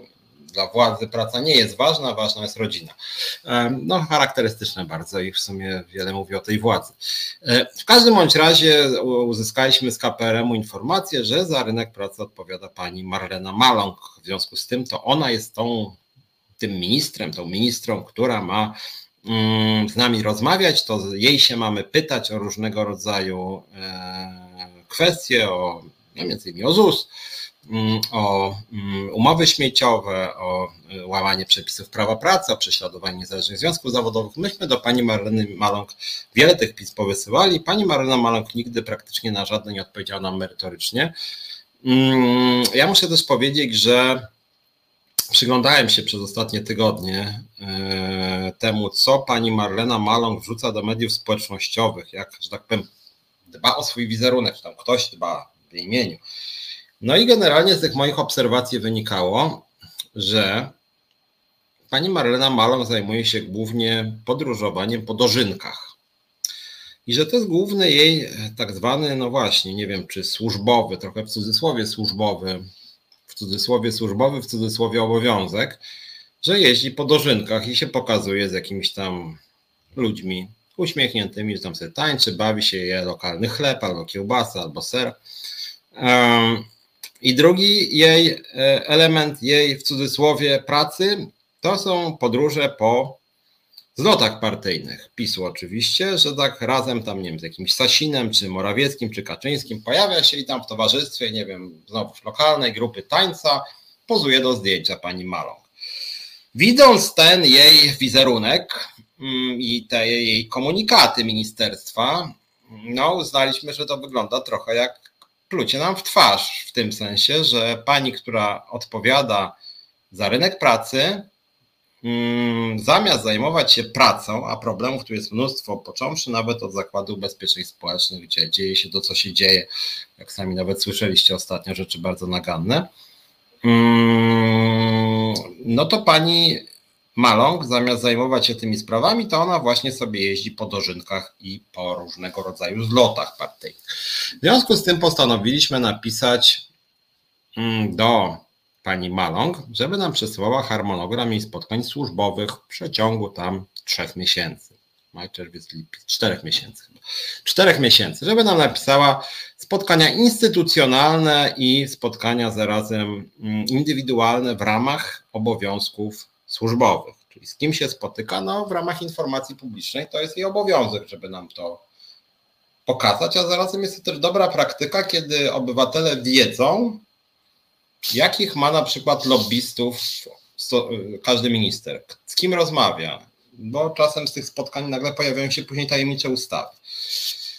W związku z tym zwróciliśmy się do pani minister Maląg, właśnie, żeby nam taki harmonogram zadań przesłała swoich obowiązków, spotkań, kontaktów służbowych. I słuchajcie, po kilkunastu dniach, tam chyba 2-3 tygodnie, ministerstwo nam odpisało, że sprawa jest tak skomplikowana, tak skomplikowana, że potrzebują więcej czasu, żeby pokazać, żeby dać odpowiedź na to pytanie o te spotkania służbowe, że to jest tak skomplikowana materia i pani minister tak strasznie dużo robi, że trzeba, no jakoś nie wiem, że to musi być jakaś ciężka praca, nie? Ja myślałem, że to kurczę, ktoś to jednak nadzoruje i można wysłać, no nie nawet 100 stron, nie? A tu nie, za trudne. Muszę mieć więcej czasu, tam trzy tygodnie nie wystarczą. No i słuchajcie, minęły kolejne chyba pięć tygodni, bo łącznie to już są um, dwa miesiące. I po dwóch miesiącach, 60 dniach otrzymujemy maila z ministerstwa. A w niej, w niej, słuchajcie, uwaga, uwaga, czytamy żadnych załączników, żadnego spisu. Czytamy, że informacja na temat spotkań służbowych w nawiązaniu do pisma tam z 3 sierpnia, że informacje na temat spotkań można znaleźć na stronie internetowej Ministerstwa Rodziny i Polityki Społecznej oraz Możemy dowiedzieć się o tych spotkaniach z komunikatów w mediach społecznościowych. Koniec odpowiedzi na zapytanie w ramach informacji publicznej. Czyli, czyli śledząc aktywność twitterową pani Marleny Maląg i śledząc to, co wrzuca Ministerstwo Rodziny i Polityki Społecznej na Twitterze, ja postanowiłem, że napiszemy do ministerstwa, co robi pani Malong, bo z tej aktywności na Twitterze wynikało, że ona kompletnie nic nie robi, że jest totalnym leniem. Nic, zupełnie nic. Że chodzi tylko na dożynki i chodzi na wiece partyjne. Po czym po dwóch miesiącach, przez dwa miesiące nie mogli tego ustalić, pani Malong nam przysyła informację, że wszystko, wszystkie jej spotkania zostały zapisane na Twitterze właśnie, w mediach społecznościowych. Czyli krótko mówiąc, Aktywność pani minister Maląg sprowadza się do dożynek i wieców partyjnych i my tej pani płacimy, z tego co pamiętam, jakieś 17 tysięcy brutto, plus cały jej sekretariat, otoczenie, mnóstwo doradców tak zwanych i po prostu słuchajcie, doradcy odchodzenia na dożynki, to w ogóle po co są wiem, wiceministrowie na przykład? Bo co tu można doradzić, jak ktoś idzie na dożynki, nie? Albo na wiec partyjnych z tańcami i kiełbasą.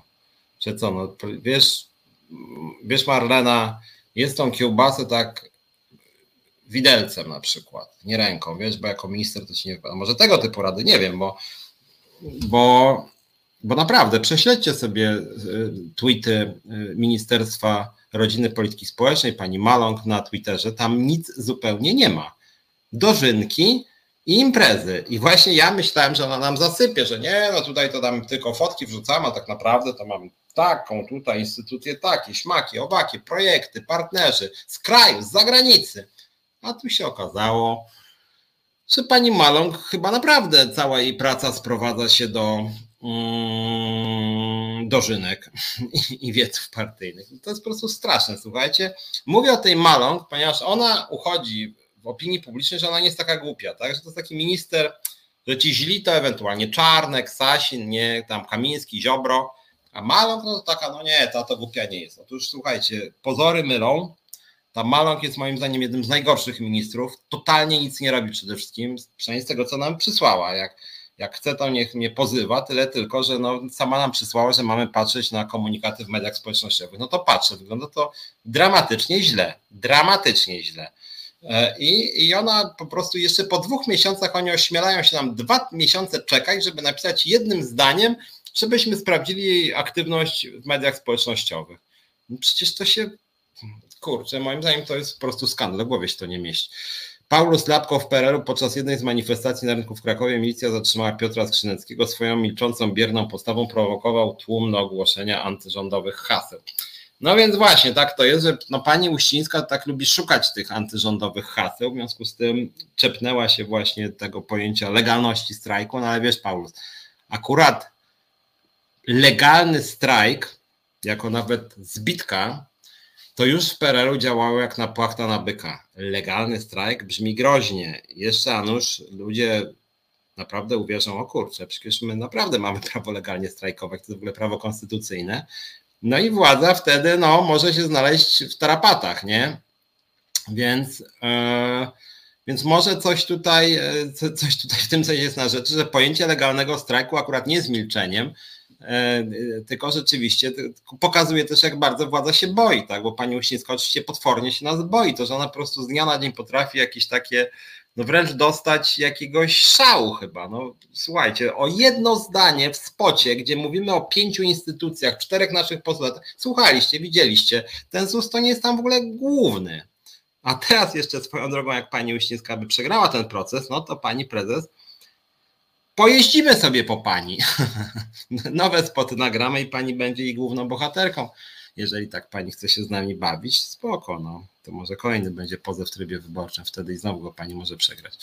E, no, natomiast wracając do pani Malong, dla mnie to jest jeden z najgorszych ministrów. Jest to w ogóle wstyd, że tacy ludzie mają stanowiska w Polsce. E, tak mi się skojarzyło, jak w zarzutach wobec Zeta sobie myślę, Paulus pisze. No trochę tak oczywiście czepiają się na siłę, ale przede wszystkim nie szanują w ogóle polskiego prawa, nie szanują niezależnych związków zawodowych.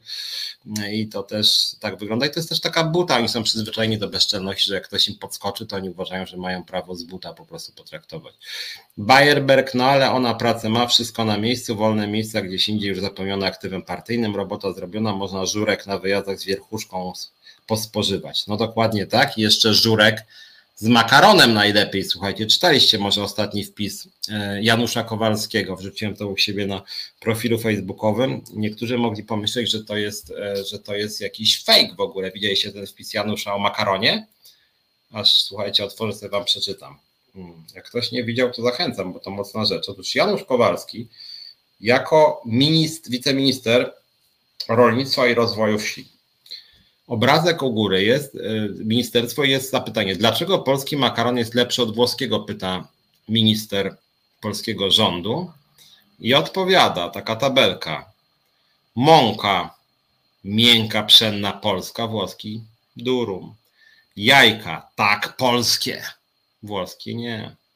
Metoda wykonania wałkowane tradycyjnie, włoski tłoczony. Gotowanie polski krótsze, włoski dłuższe. No kto chce dłuższe, dłużej gotujący. Preferencje To jest kluczowe, preferencje, słuchajcie. Polacy lubią makaron, który rośnie w trakcie gotowania, jest miękki i sprężysty. Włosi wybierają twardszy makaron z mąki durum. No to durum to już brzmi jakoś tak podejrzanie. E, e, I jeszcze kluczowe, Polacy spożywają makaron głównie do zup, mówi Janusz Kowalski. Włosi używają makaronu głównie do drugiego dania.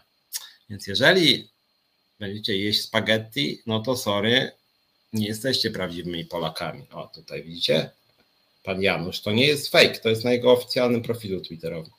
Więc Janusz, Janusz, Janusz potrafi, Janusz daje czadu. Wybierz polski produkt, polski makaron na polskiej, w polskiej zupie. Nie będzie tam spaghetti, spaghetti mi się zachciało swoją drogą. Jadłem chyba przedwczoraj, więc nawet tu jestem e, niezbyt, niezbyt polski, bo w sumie często jem makaron nie w zupie, a rzadko jem makaron z zupą.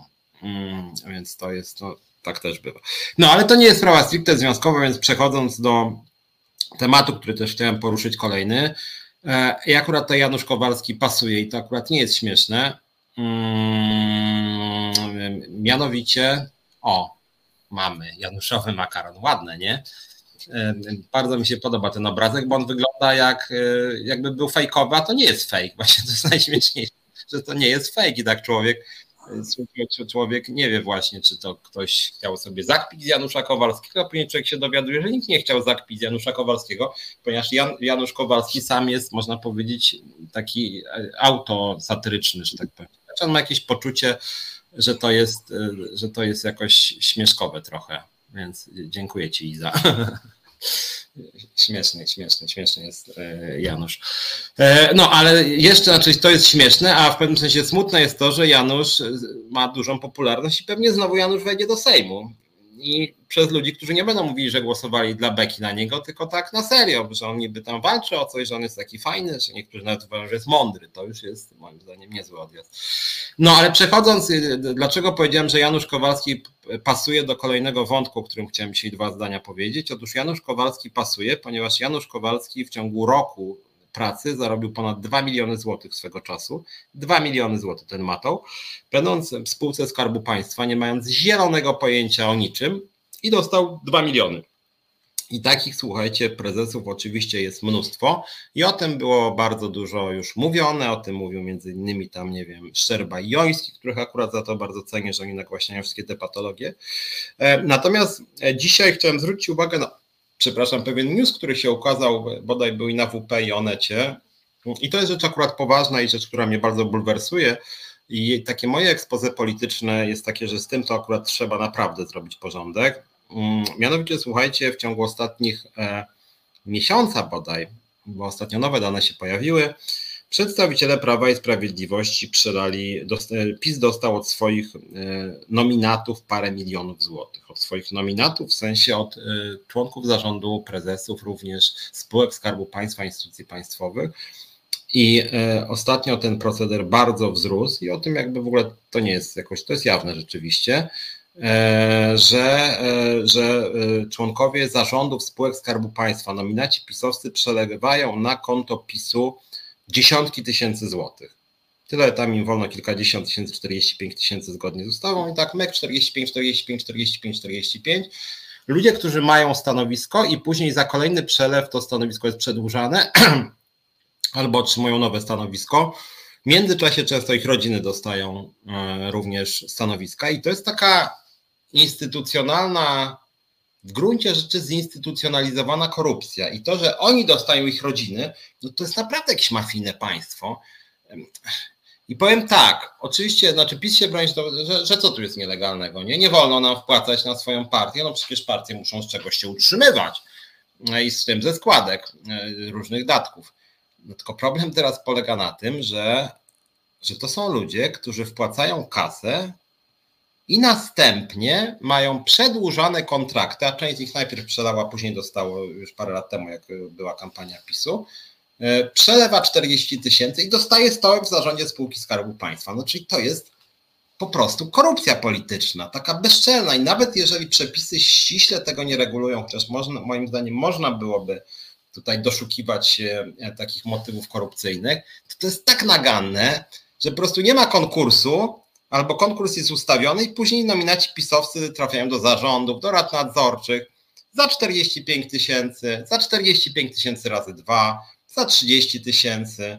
I to jest po prostu takie psucie państwa potworne. Mnie to strasznie wkurza. Ja dlatego jestem za daleko idącą transparentnością, jawnością, wysokimi wymaganiami jakościowymi. Także jeżeli nawet Janusz Kowalski 2 miliony gdzieś by dał, to po prostu jest matołem, jest głupi, nie ma kompetencji, nie powinien trafić do żadnej rady nadzorczej ani żadnego zarządu spółki Skarbu Państwa. Żadnego po prostu, bo on się nie nadaje. Tak samo jak 90% tych pisowskich nominatów się totalnie nie nadaje. I w demokratycznym państwie, w państwie prawa powinno być tak, że oni sobie mogą dawać zgodnie z procedurami pieniądze 30 tysięcy, 40, ile tam chcą, ale nie mogą w zamian, bo tu widać deal na kilometr, dostawać stanowisk po prostu. No to jest coś, no, no nie wiem, to jest tak niesmaczne, takie po prostu rozkradanie państwa w biały dzień. No coś szokującego tutaj czytam, to jest akurat materiał z Onetu sprzed kilku dni, kiedy oni tam wymieniają między innymi, że tam e, w ciągu ostatniego roku z małym kawałkiem 2,5 miliona poszło właśnie na PiS od członków zarządów i rad nadzorczych spółek Skarbu Państwa. E, jak mówię, ostatnio te dane były aktualizowane chyba przez WPP, nie jestem pewien, gdzie teraz jest jakiś wysyp znowu tych wpłat, między innymi tam prezes KPZ-u Beata Kozłowska-Chyła przelała 45 150, tyle samo od Piotra Nowaka, byłego ministra rozwoju technologii, członka zarządu ubezpieczyciela, też PZU rozumiem, tak. Małgorzata Sadurska 45 tysięcy, też PZU, też przelewy od menedżerów ze spółek PZU Życie, PZU Zdrowie, TFI PZU, Powszechnego Towarzystwa Emerytalnego, prezes banku PKO Leszek Skiba wpłacił na konto PiS 40 tysięcy, wiceprezesi tego mm, banku jeszcze większe sumy, również prezes ENEI pan Majewski 45 tysięcy, Taurona pan Szczeszek 45 tysięcy, prezes PG Wojciech Dąbrowski 45 tysięcy, tyle samo Obajtek wpłacił, prezes grupy Azoty Tomasz Hinz, prezes KGHM, a wcześniej Poczty Tomasz Dziko 44. Co to kurcze jest, słuchajcie? Co to w ogóle ma być? Że sobie po prostu prezesi przelewają kasę i później im się kadencja przedłuża to jest przecież no, jawne kupowanie sobie stołków. No po prostu moim zdaniem warto było zmienić przepisy, że jeżeli ktoś chce być właśnie w spółce, to powinien wręcz mieć zakaz. Żadnych przelewów w żadną stronę. Ale oczywiście i przede wszystkim konkursy w spółkach, konkursy w spółkach Skarbu Państwa, wysokie wymogi jakościowe. No przecież to jest jakby oczywistość w każdym cywilizowanym kraju, a nie, że jakiś idiota przelewa 50 tysięcy i później po prostu z automatu jest prezesem albo trafia do zarządu i do, dochodzi do takich no, sytuacji, o których nawet PiS nie kryje. Słuchaj Heniu, dasz mi jakieś miejsce w zarządzie? Kurczak, gdzie ja mam cię wcisnąć? Wiesz co, no w coś będzie? Wiesz, no ta Enea to już ustawiona, bo tam Helenka chciała i Tomek, nie? No dobra, to może PG. No, w PG. E, może Rada Nadzorcza. No wiesz, ale wolałbym zarząd stary niż Radę Nadzorczą. No to może będą azoty. No wiesz, ale te azoty to by musiał dojeżdżać, a może w PZU byś coś miał. No dobra, to masz tu PZU. To będziesz zarabiał 114 tysięcy miesięcznie, ale na partię musisz dać 45 na razie, dobra? Dobra, stoi. I to tak między nimi wygląda. To znaczy, to jest coś po prostu przerażającego, jak oni rozkradają to państwo i że dużej części polskiego społeczeństwa to naprawdę nie przeszkadza. Bo PiS to robi na totalnie masową skalę. To za poprzednich ekip PSLD i później e, PO, PSL były patologie. Oczywiście, że się zdarzały. Tak jak teraz niestety jest mnóstwo patologii na poziomie samorządów. Tam też również ci politycy e, opozycyjni niestety nie fajnie się zachowują, jak będzie, że nie koził na przykład z Platformą Obywatelskiej, pani związana z Platformą Obywatelską. Gondek Rypel, straszny człowiek swoją drogą i będziemy o to się bić, ale, ale, ale z drugiej strony nie było aż takiego nepotyzmu, korupcji, kolesiostwa jak zapisu nigdy w Polsce, no, nigdy po prostu i to co oni wyprawiają jest porażające. Piotr Przygała, czy można zdelegalizować PiSa i majątek przejąć przeznaczyć na jakiś cel społeczny? Jest co, Piotrze, moim zdaniem bardziej by ich zabolało nawet, tak samo jak z Kościołem. Wprowadzić jasne, transparentne procedury, jasne, transparentne procedury i po prostu zgodnie z którymi oni wszyscy potraciliby stołki, a później o nich zapomnieć, nie zwracać na nich uwagi, oni by znikli po prostu. Ale oczywiście te główne afery, związane z tym, że Ziobro zmarnotrawił kasę, że Czarnek rozdaje te wille, że Sasin zrobił lewe wybory, że, że ten, że, że ci ze służb ochrony zdrowia z ministerstwa Szymowski marnotrawili e, pieniądze na lewe respiratory. Oni oczywiście powinni pojąć, ponieść konsekwencje karne. Moim zdaniem to jest dosyć oczywiste i to wynika też bezpośrednio są materiały do prokuratury, chociażby z Najwyższej Izby Kontroli, jak chodzi o Ziobrę. E, i to, że no, no tak, ale trudno, żeby Ziobro sam wobec siebie podjął postępowania, to jest człowiek mało uczciwy, w związku z tym nie dałby żadnego neutralnego prokuratora, tylko sam kasuje sobie zarzuty, w związku z tym no tak właśnie pisowskie państwo działa. No ale to jest rzecz rzeczywiście bulwersująca. E, skądinąd jak chodzi o dawne czasy, jedna rzecz mi e, jeszcze się uderzyło. Dzisiaj nie wiem, czy czytaliście ktoś tam, e, co ja wiedziałem o tym, ale ktoś to dzisiaj przypomniał, że Mateusz Morawiecki w 2010 roku był zdecydowanym zwolennikiem podniesienia wieku emerytalnego. Słowa Morawieckiego. Mam nadzieję, że rząd będzie z determinacją działał w celu podniesienia i zrównania wieku emerytalnego, wprowadzenia kryterium dochodowego w KRUS i likwidacji przywilejów służb mundurowych, mówił Mateusz Morawiecki, prezes BZWBK w styczniu 2010 roku. Ja oczywiście uważam, że człowiek ma prawo do zmiany poglądów, natomiast PiS bez przerwy gra tą bronią, że bierze jakiś wyrwany z kontekstu wypowiedź Tuska z 2000, nie wiem, właśnie 7 roku albo 12 czy 10 i mówią, no proszę, co ten Tusk wygaduje. Tak? W związku z tym, jak tak się mamy bawić, no to powinnie, to warto przypominać wypowiedzi Morawieckiego, które są no, wyraźne i sprzeczności z tym, co on dzisiaj mówi. Warto zresztą przypomnieć też, że przecież no naprawdę Morawiecki był doradcą Tuska. Po prostu był doradcą Tuska. Więc to, że on teraz tak tego Tuska atakuje, pluje, szczuje, no jest coś śmieszne na swój sposób, że, że po prostu, yy, że po prostu yy, ten Morawiecki taki nagle antytusk się zrobił, a, a był jego doradcą, dość drugorzędnym zresztą. Mm, ale bronił perspektywy no, tamtejszej władzy, no po prostu, Platformy i PSL-u. Więc Morawiecki akurat z tym, że tam nie wiem, że Tusk chciał Polskę Rosji sprzedać, no radziłbym na miejscu Morawieckiego być bardziej ostrożny. Inna sprawa, że to co wyprawia teraz TVP, nie zwróciliście uwagę, oni jakąś taką kretyńską serię Reset nomen omen puszczają i ten Reset to jest taki odpał, że tego już nikt nie ogląda poza TVP. To jest w ogóle jakiś porządek wewnątrz TVP, jakiś kompletnie idiotyczne, bezsensowne materiały, które chyba nawet TVP wie, że to jest o Kant de Potwód, że to zupełnie bełkot totalny, bo nikt tego nie, nawet media prawicowe tego nie podchwytują, takie to jest głupie, więc to warto o tym pamiętać. Dobra, ale mamy e, pół godzinki między niecałe, więc miałem też powiedzieć dzisiaj o kampanii wyborczej. Miałem powiedzieć trochę o tym, jak oceniam mm, różnych e, polityków, jak oceniam partie polityczne, jak oceniam władzę, opozycję, jak oceniam tą kampanię wyborczą. Mm, niewątpliwie ważnym wydarzeniem tej ostatniej prostej kampanii, przynajmniej ostatnich dni, był niedzielny marsz miliona serc, marsz Donalda Tuska.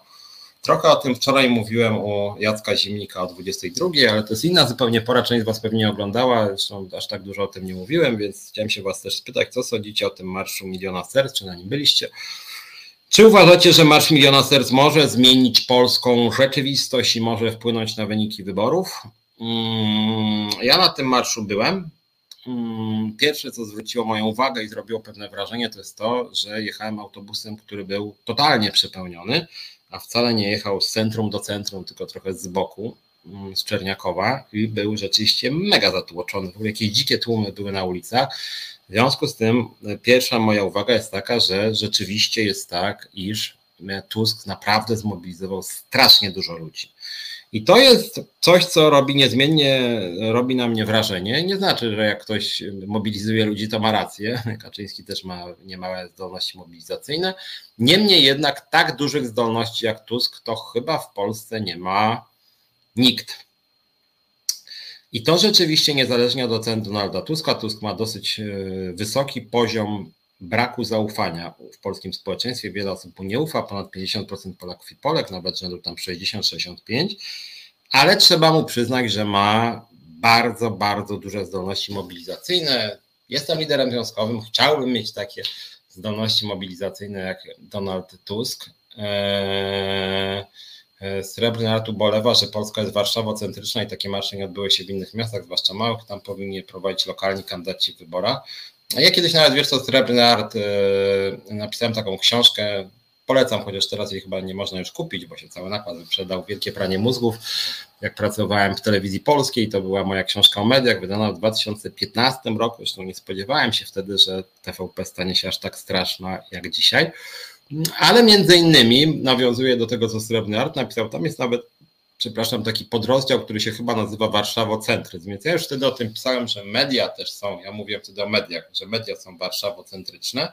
E, no i generalnie w ogóle polityka jest dosyć warszawocentryczna i też dyskurs jest warszawocentryczna i ta warszawocentryczność jest taką oczywistością dla większości też środowisk politycznych.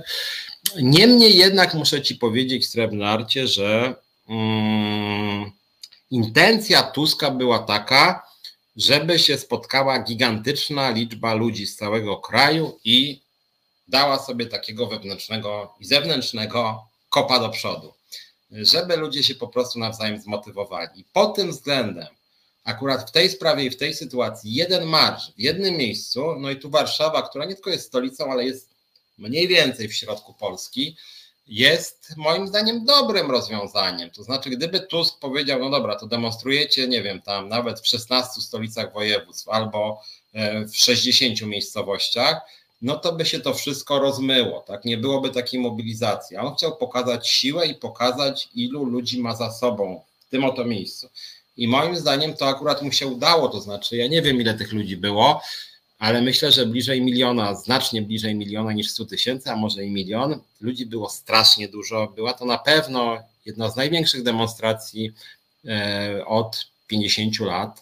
Mm, e, I rzeczywiście, biorąc pod uwagę to, że polskie społeczeństwo jest bardzo mało zmobilizowane, że jest bierne, przestraszone, że trudno jest zmotywować do działania, że nawet ja w ZUS-ie ciężko mi przekonać ludzi, żeby wzięli udział w anonimowym referendum strajkowym. Wracam na chwilę do ZUS-u. Ludzie, Anonimowe referendum strajkowe, nic wam się nie stanie, jak zagłosujecie, głosujcie do jasnej cholery. Przecież nic wam się nie stanie, nikt was nie ukaże żadnych konsekwencji. A wracając do Tuska, wyciągnął na ulicę kilkaset tysięcy ludzi, którzy pojawili się z twarzy, z transparentami, przed innymi ludźmi, nie wstydzili się, nie bali się to jest szapoba akurat. Jak na Polskę, gdzie jest tych demonstracji mało, gdzie ludzie są tchórzliwi, konformistyczni, zastraszeni, to to, że Tuskowi udało się te kilkaset tysięcy, a może milion wyciągnąć na ulicę, bardzo duży szacunek i przy okazji wysłał do całego polskiego społeczeństwa komunikat, zobaczcie, nie jestem jeszcze premierem, nie mam mediów publicznych, a potrafię zmobilizować e, ludzi tak dużo, jak nikt. Zaraz będzie Maria o rynku pracy. Ja na razie pierwszą część taką wprowadzającą, co uważam było cenne na tym marszu i czego ja zazdroszczę, bo kiedyś w Polsce ludzie wychodzili na ulicę, y, wyprowadzał wtedy Związek Zawodowy Solidarność. On co prawda nie był wtedy tylko związkiem zawodowym, prowadzał z innych przyczyn, ale mimo wszystko demonstrowanie na ulicy swoich poglądów jest pewną cnotą, jest czymś ważnym, niezależnie czymś. Ja nie mówię, że bo nie wyciągam, że Tusk miał rację, bo zaraz będzie druga część mojej wypowiedzi, też i trzecia. Ale to, że akurat mobilizował bardzo dużo ludzi, może się to przełożyć na poparcie dla koalicji czy dla opozycji? Myślę, że może, tak. To jest pokaz siły, ludzie lubią czuć się, że nie są sami, że inni idą obok nich. E, I rzeczywiście w tą niedzielę e, faktycznie e, Tusk pokazał, że potrafi bardzo dużą liczbę ludzi wyprowadzić na ulicę. Tutaj Srebrny Art pisze, że można osiągnąć w innych miejscowościach. Dla wielu niezdecydowanych ludzi Warszawa to dalekie odległy świat, tak samo politycy i kandydaci stamtąd. Częściowo się zgadzam. Paulus pisze na Marszu Miliona Serc, ponad połowa ludzi była z całego kraju, 800 tysięcy to minimum, od lat 80. czegoś takiego nie widziałem. Ja nie pamiętam lat 80., jestem 76, ale ja chyba nigdy nie widziałem tego typu demonstracji. Może ta 4 czerwca Jeden strajk kobiet też był gigantyczny, ale jednak był dużo mniejszy. Mówiło się, że wtedy było 100 tysięcy osób i raz była demonstracja związkowa w 2013 roku i tam mówiło się, że było 100-150 tysięcy i była też radykalnie mniejsza od tej w ostatnią niedzielę. E, inna sprawa, e, Srebrny Art, pomyślcie sobie, jakie wrażenie również zrobiłyby takie zdjęcia jak z z dużej ilości innych miast. No wiesz Srebrny Art, ale no nie oszukujmy się, do Warszawy przyjechało mnóstwo ludzi również z dalekich miast. Jeżeli oni mieliby się podzielić na 50 demonstracji, to każda z nich by miała 1000, 2, 3. To nie jest tak, że jakby były w miejscowościach, to byłoby, nie wiem, 8 milionów Moim zdaniem duża część, znaczy większość, znaczy może nie większość, ale, ale wysoki odsetek demonstrujących był spoza Warszawy, więc oni co najwyżej by wyszli w swoich miejscowościach, no ale nie byłoby tak, że wszędzie było po 50 tysięcy. No. E, więc, więc, więc myślę, że jednak tutaj chodziło o mobilizację w jednym miejscu, że ludzie razem chcą coś zrobić. I takie duże demonstracje no, są taką bombą jednak.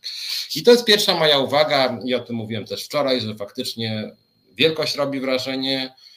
I wbrew pozorom ulica może wygrywać wybory. Wbrew temu, co PiS mówi. Ulica niekiedy może wygrywać wybory, może dawać sygnał władzy, może zmieniać kraj, może być taką siłą nacisku, przed którą e, władza ustępuje. E, strajk kobiet poniósł klęskę, ale moim zdaniem dlatego, że one zbyt szybko ustąpiły i gdyby te marsze się ciągnęły później jeszcze miesiąc, dwa, to kto wie, być może władza by ustąpiła. Więc po pierwsze, bardzo duże, bardzo dobrze zmobilizowane środowisko i rzeczywiście to wrażenie robiło. Natomiast po drugie, i tutaj odpowiadając na to, co trochę tutaj Maria Mrozek pisała o rynku pracy, jak chodzi o postulaty, było słabo raczej. Mm, nie było próby rozszerzenia e, agendy, nie było próby przekonania nieprzekonanych, nie było próby nawet mrugnięcia do e, osób, które. Są wahające się, albo na razie nie mają na kogo głosować, mają takie przekonanie i na przykład przyszły na ten marsz po to, żeby, żeby zobaczyć, jak to będzie. E, co do zaoferowania mają ci liderzy opozycji? Ja muszę powiedzieć, że ja, ja nie cierpię PiSu osobiście, ja będę głosował na opozycję. Niemniej jednak próbując spojrzeć trochę z boku, jako obserwator, ale zarazem jako lider związkowej alternatywy, który ma różnych ludzi. Ma ludzi, którzy na przykład bardzo źle wspominają rządy Tuska, ma ludzi, którzy, dużo takich jest u nas, którzy nie ufają żadnej partii, którzy czekają, aż ktoś ich porwie, tak? E, I pod tym względem muszę Wam mm, powiedzieć, że rzeczywiście na tym marszu nie było specjalnie nowych treści, y, nawiązując tego, co Maria Mrozek napisała. O rynku pracy w zasadzie nic nie słyszałem z żadnych ust. Nie było strony ani ze strony Tuska, ani Trzaskowskiego, ani tutaj chwalili Czarzastego i Biedronia, jak to oni fajnie się wypowiedzieli nic nie powiedzieli o rynku pracy. Nic, zupełnie nic nie powiedzieli o rynku pracy. W związku z tym, no, nie było próby rozszerzenia agendy. Ja to nawet tutaj tak mówiłem w rozmowach ze znajomymi, że ja rozumiem, że to był wiec i że na wiecu no, nie przedstawia się tam punkt po punkcie, chcemy tego, tego, tego i tego, ale można było nawet po przecinku wpleść różnego rodzaju grupy zawodowe, o których dotychczas nie mówiono. Zwróćcie uwagę, Tusk zawsze mówi na przykład o nauczycielach często mówi, chociaż rzadziej niż o nauczycielach, o, pracownikach, o pracownikach ochrony zdrowia. Czasem, rzadko, rzadko, mówi o pracownikach socjalnych. I w gruncie rzeczy jako, e, mówi o przedsiębiorcach. Rzadziej niż kiedyś, ale mówi. Zaczął mówić o rolnikach, bo przytulił Kołodziejczaka. To taki cyniczny układ, ale też o tym mówi niekiedy. Czasem mówi o ludziach młodych. Czasem mówi o kobietach i to w ogóle teraz jest nagle taka moda, żeby mówić o młodych i o kobietach. To wygląda też dosyć cynicznie. Eee, natomiast nie było nowych grup, o których dotychczas opozycja nie mówiła. Nawet tak podsuwałem swoje, że tak powiem, kandydatury. Kiedyś mówiłem, pamiętacie, może wspominałem, bo to podsuwałem Trzaskowskiemu przy wyborach prezydenckich. Na przykład polskie opiekunki w Niemczech jest ich ponad pół miliona. Pół miliona osób, kobiet, teraz ta opozycja lubi mówić, że stawia na kobiety, kobiet głównie. I to jest elektorat, który w większości waha się, a w każdym razie to nie jest elektorat przypisany opozycji. Można było po nich sięgnąć. Inny przykład, mi bardzo bliski. Pracownicy spółek Skarbu Państwa, na przykład Poczty Polskiej. To jest dramat, jak ci ludzie zarabiają. Jest ich 70 parę tysięcy plus rodziny ze 150 tysięcy. Powiedzieć coś o pracownikach poczty, że im się źle powodzi, Dlaczego tego nie zrobił ani Tusk, ani Trzaskowski, ani Czarzasta, ani Biedroń? Żaden z nich. Zresztą Hołownia też nic nie mówi o Kończyniak-Kamysz. Już nie mówię o Konfederacji czy o PiSie, bo ci to w ogóle nimi gardzą. E, czy pracownicy ZUS-u wspominani? Ja pisałem 14 razy co najmniej do wszystkich posłów i posłanek, do wszystkich liderów politycznych, pomóżcie nam w ZUS-ie. Tam ludzie są źle traktowani, tam się prześladuje niezależne związki zawodowe. Zróbcie coś dla nas. Powiedzcie jedno słowo nawet na temat pracowników ZUS-u. Wyślijcie sygnał tym ludziom, że się nimi interesujecie chociaż odrobinę. I co? Nic. Otóż nic. Żaden polityk, żaden, żaden, wiem co mówię, żaden, nie zainteresował się pracownikami ZUS. Żaden. I to jest, słuchajcie, strasznie słabe i strasznie dziwne, że im nie zależy, że nawet z okazji wyborów Oni nie próbują rozszerzyć agendy, nie próbują wymienić nawet po przecinku. Pracownicy poczty, pracownicy ZUS-u, taksówkarze, proszę bardzo, też są źli napis, można było ich próbować przejąć. Nie mówią o taksówkarzach. Notariusze, mm, prawnicy, e, pracownicy gastronomii jako grupa strasznie uśmieciowiona, pracownicy ochrony jako strasznie uśmieciowiona grupa, pracownicy handlu. Myśmy proponowali na przykład i proponujemy jako związkowa alternatywa 2,5 za pracownicę. Można spróbować przekonać grupę ludzi pracujących w niedzielę. Proponujemy Wam 2,5 razy więcej. Srebrny napisze transportowcy.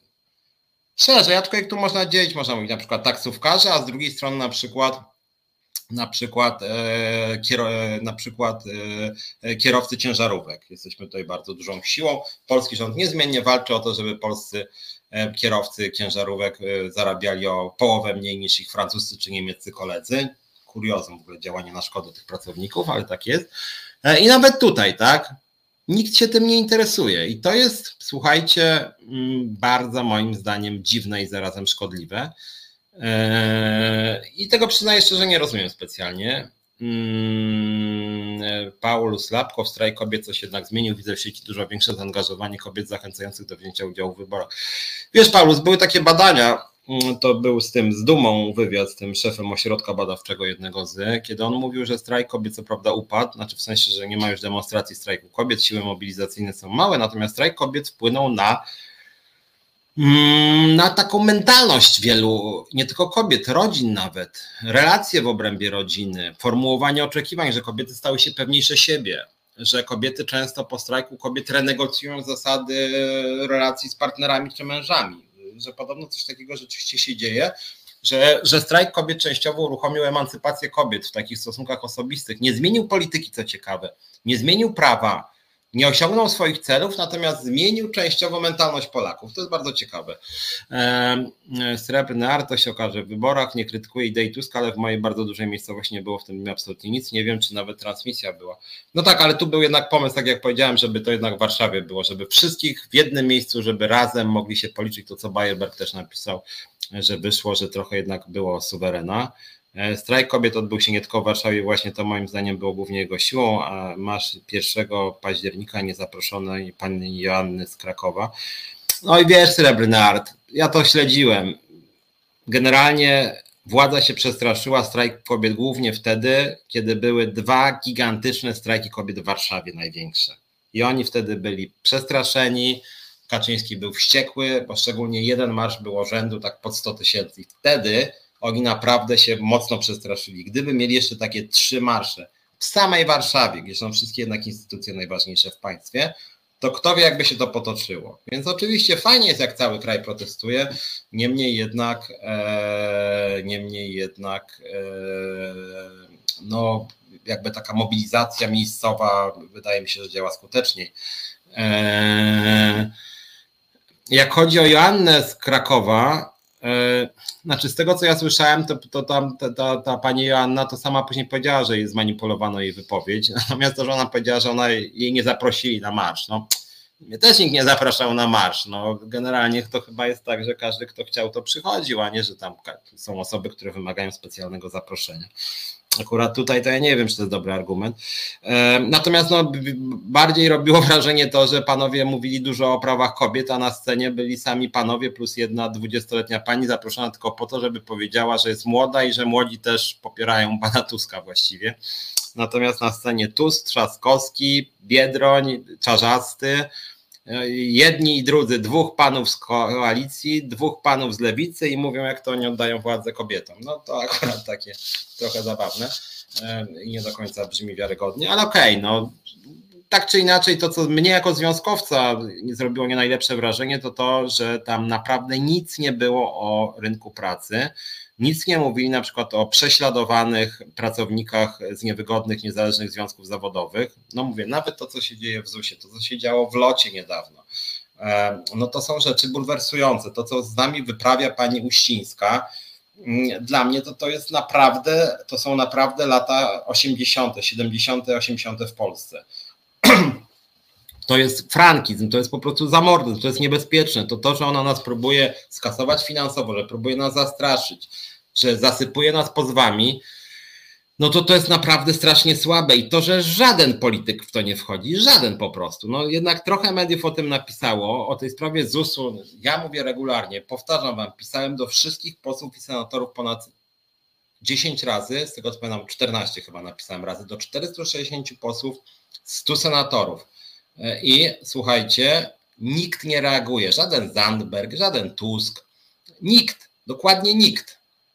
Teraz mamy sprawę Kędzierzyna Koźla. Zwracamy się, pamiętacie tą sprawę, bulwersujące prześladowanie naszych liderów związkowych w Kędzierzynie Koźlu, rządzonym przez panią Nowosielską, która ma poparcie Koalicji Obywatelskiej, słodka focia sprzed miesiąca z Donaldem Tuskiem, pani Gondę Krypel, szefowa e, tej firmy, Zakładu Energetyki Cieplnej w Kędzierzynie Koźlu. My piszemy do wszystkich posłów i posłanek Koalicji Obywatelskiej. Prosimy, pomóżcie, wykonajcie jeden telefon nie ma tego telefonu. I ja później słucham tego Donalda Tuska, tego Trzaskowskiego, tych wszystkich polityków, tego czarzastego Biedronia, którzy mówią, że ich Polska to będzie Polska wyrozumiała, Polska oparta na szacunku, życzliwości, miłości, miłości nagle. Co to znaczy, że polityka na miłości, o co chodzi, nie? Ja sobie myślę, tak, tak na miłości chcecie opierać, a jak to jest z tą miłością do naszych ludzi w Kędzierzynie Koźlu, gdzie rządzi koalicja. Jak to jest z tą miłością e, do e, ludzi w koło brzegu, gdzie nam Darka Pawelczaka wyrzucono z pracy? Gdzie jest ta miłość? Tam rządzi pani również z Platformy. Jej nominat e, w Miejskim Zakładzie właśnie komunikacyjnym transportu publicznego w koło brzegu. Wyrzucono człowieka z pracy, prześladowano go. Państwowa Inspekcja Pracy przyznała nam rację. No i jak to jest? Dlaczego żaden z polityków koalicji, jak Anna pisze, nie zareagował na sytuację w Kędzierzynie Kościół. Dlaczego żaden z polityków Platformy nie zareagował na sytuację w Kołobrzegu? Dlaczego żaden z polityków Lewicy i z polityków koalicji nie zareagował na sytuację w ZUS-ie, a na dodatek jeszcze jak rozmawiałem z politykami Lewicy odnośnie ZUS-u, to oni mówili, może ta Uścińska to ma trochę racji i nagle się okazuje, że pan Liwiusz Laska jest w Radzie Nadzorczej ZUS-u, pan, który jest blisko związany z OPZZ-em i e, z lewicą parlamentarną, i oni wszyscy się tam bardzo, bardzo lubią, nawet osobiście i pomocy żadnej nie ma. I to, słuchajcie, no to jest strasznie słabe i później tak, ja wypełniam różnego rodzaju latarniki tak zwane, nie wiem, widzieliście, latarnik wyborczy, czyli taki zbiór pytań chyba tam 20, do kogo ci jest najbliżej. Jak ja to wypełniam, to od lat najbliżej mi jest w sumie do lewicy. No ale później tak sobie myślę, aha, Czyli wychodzi mi, że do lewicy, bo lewica w tym latarniku, jakaś tam Żukowska wypełniła, że oni tam zawsze bronią na przykład nie, pracowników, dajmy na to. A ja sobie myślę, aha, no dobra, jeżeli to jest ta partia, która wypełnia, że ona zawsze broni pracowników, no to w takim razie w ZUS-ie jeden mail mój, no to pomożecie nam w tym ZUS-ie, no zwolni nam dyscyplinarnie liderkę, prześladuje się nasz związek zawodowy, niszczy się nasz procesami, pozywa się nas cywilnie, karnie, mnie, Ilonę Garczyńską, próbują nas zarżnąć finansowo, próbują nas zastraszyć, pomożecie? Nie. Nie. Pan Czarzasty definitywnie nie. Mogę wam co najwyżej zaszkodzić, mówi pan Czarzasty, e, e, przy okazji e, przyjaźniąc się z, z OPZZ-em w ZUS-ie, który jest chyba jeszcze nie wiem, w niektórych obszarach bardziej szkodliwy niż pani Uścińska, bo to jest w ogóle jakiś związek kuriozum, gdzie liderzy zarabiają jakąś kupę kasy i robią wszystko, żeby nic się nie działo. I to lewica popiera, ten związek, nie nas. Chociaż my 15 razy, mówię, ponad chyba 14 razy do nich pisałem, do wszystkich partii pisałem, pomóżcie, pomóżcie, po prostu prześladują nas. I co? Jak mówię, nic i ta Biejat, ta Dziemianowicz-Bąk, ten Czarzasty, czy z drugiej strony też ten Tusk, ten Trzaskowski, do wszystkich tych ludzi mówimy: pomóżcie. I nie, nie, nie mogą pomóc. Dlaczego? Ja nie wiem dlaczego.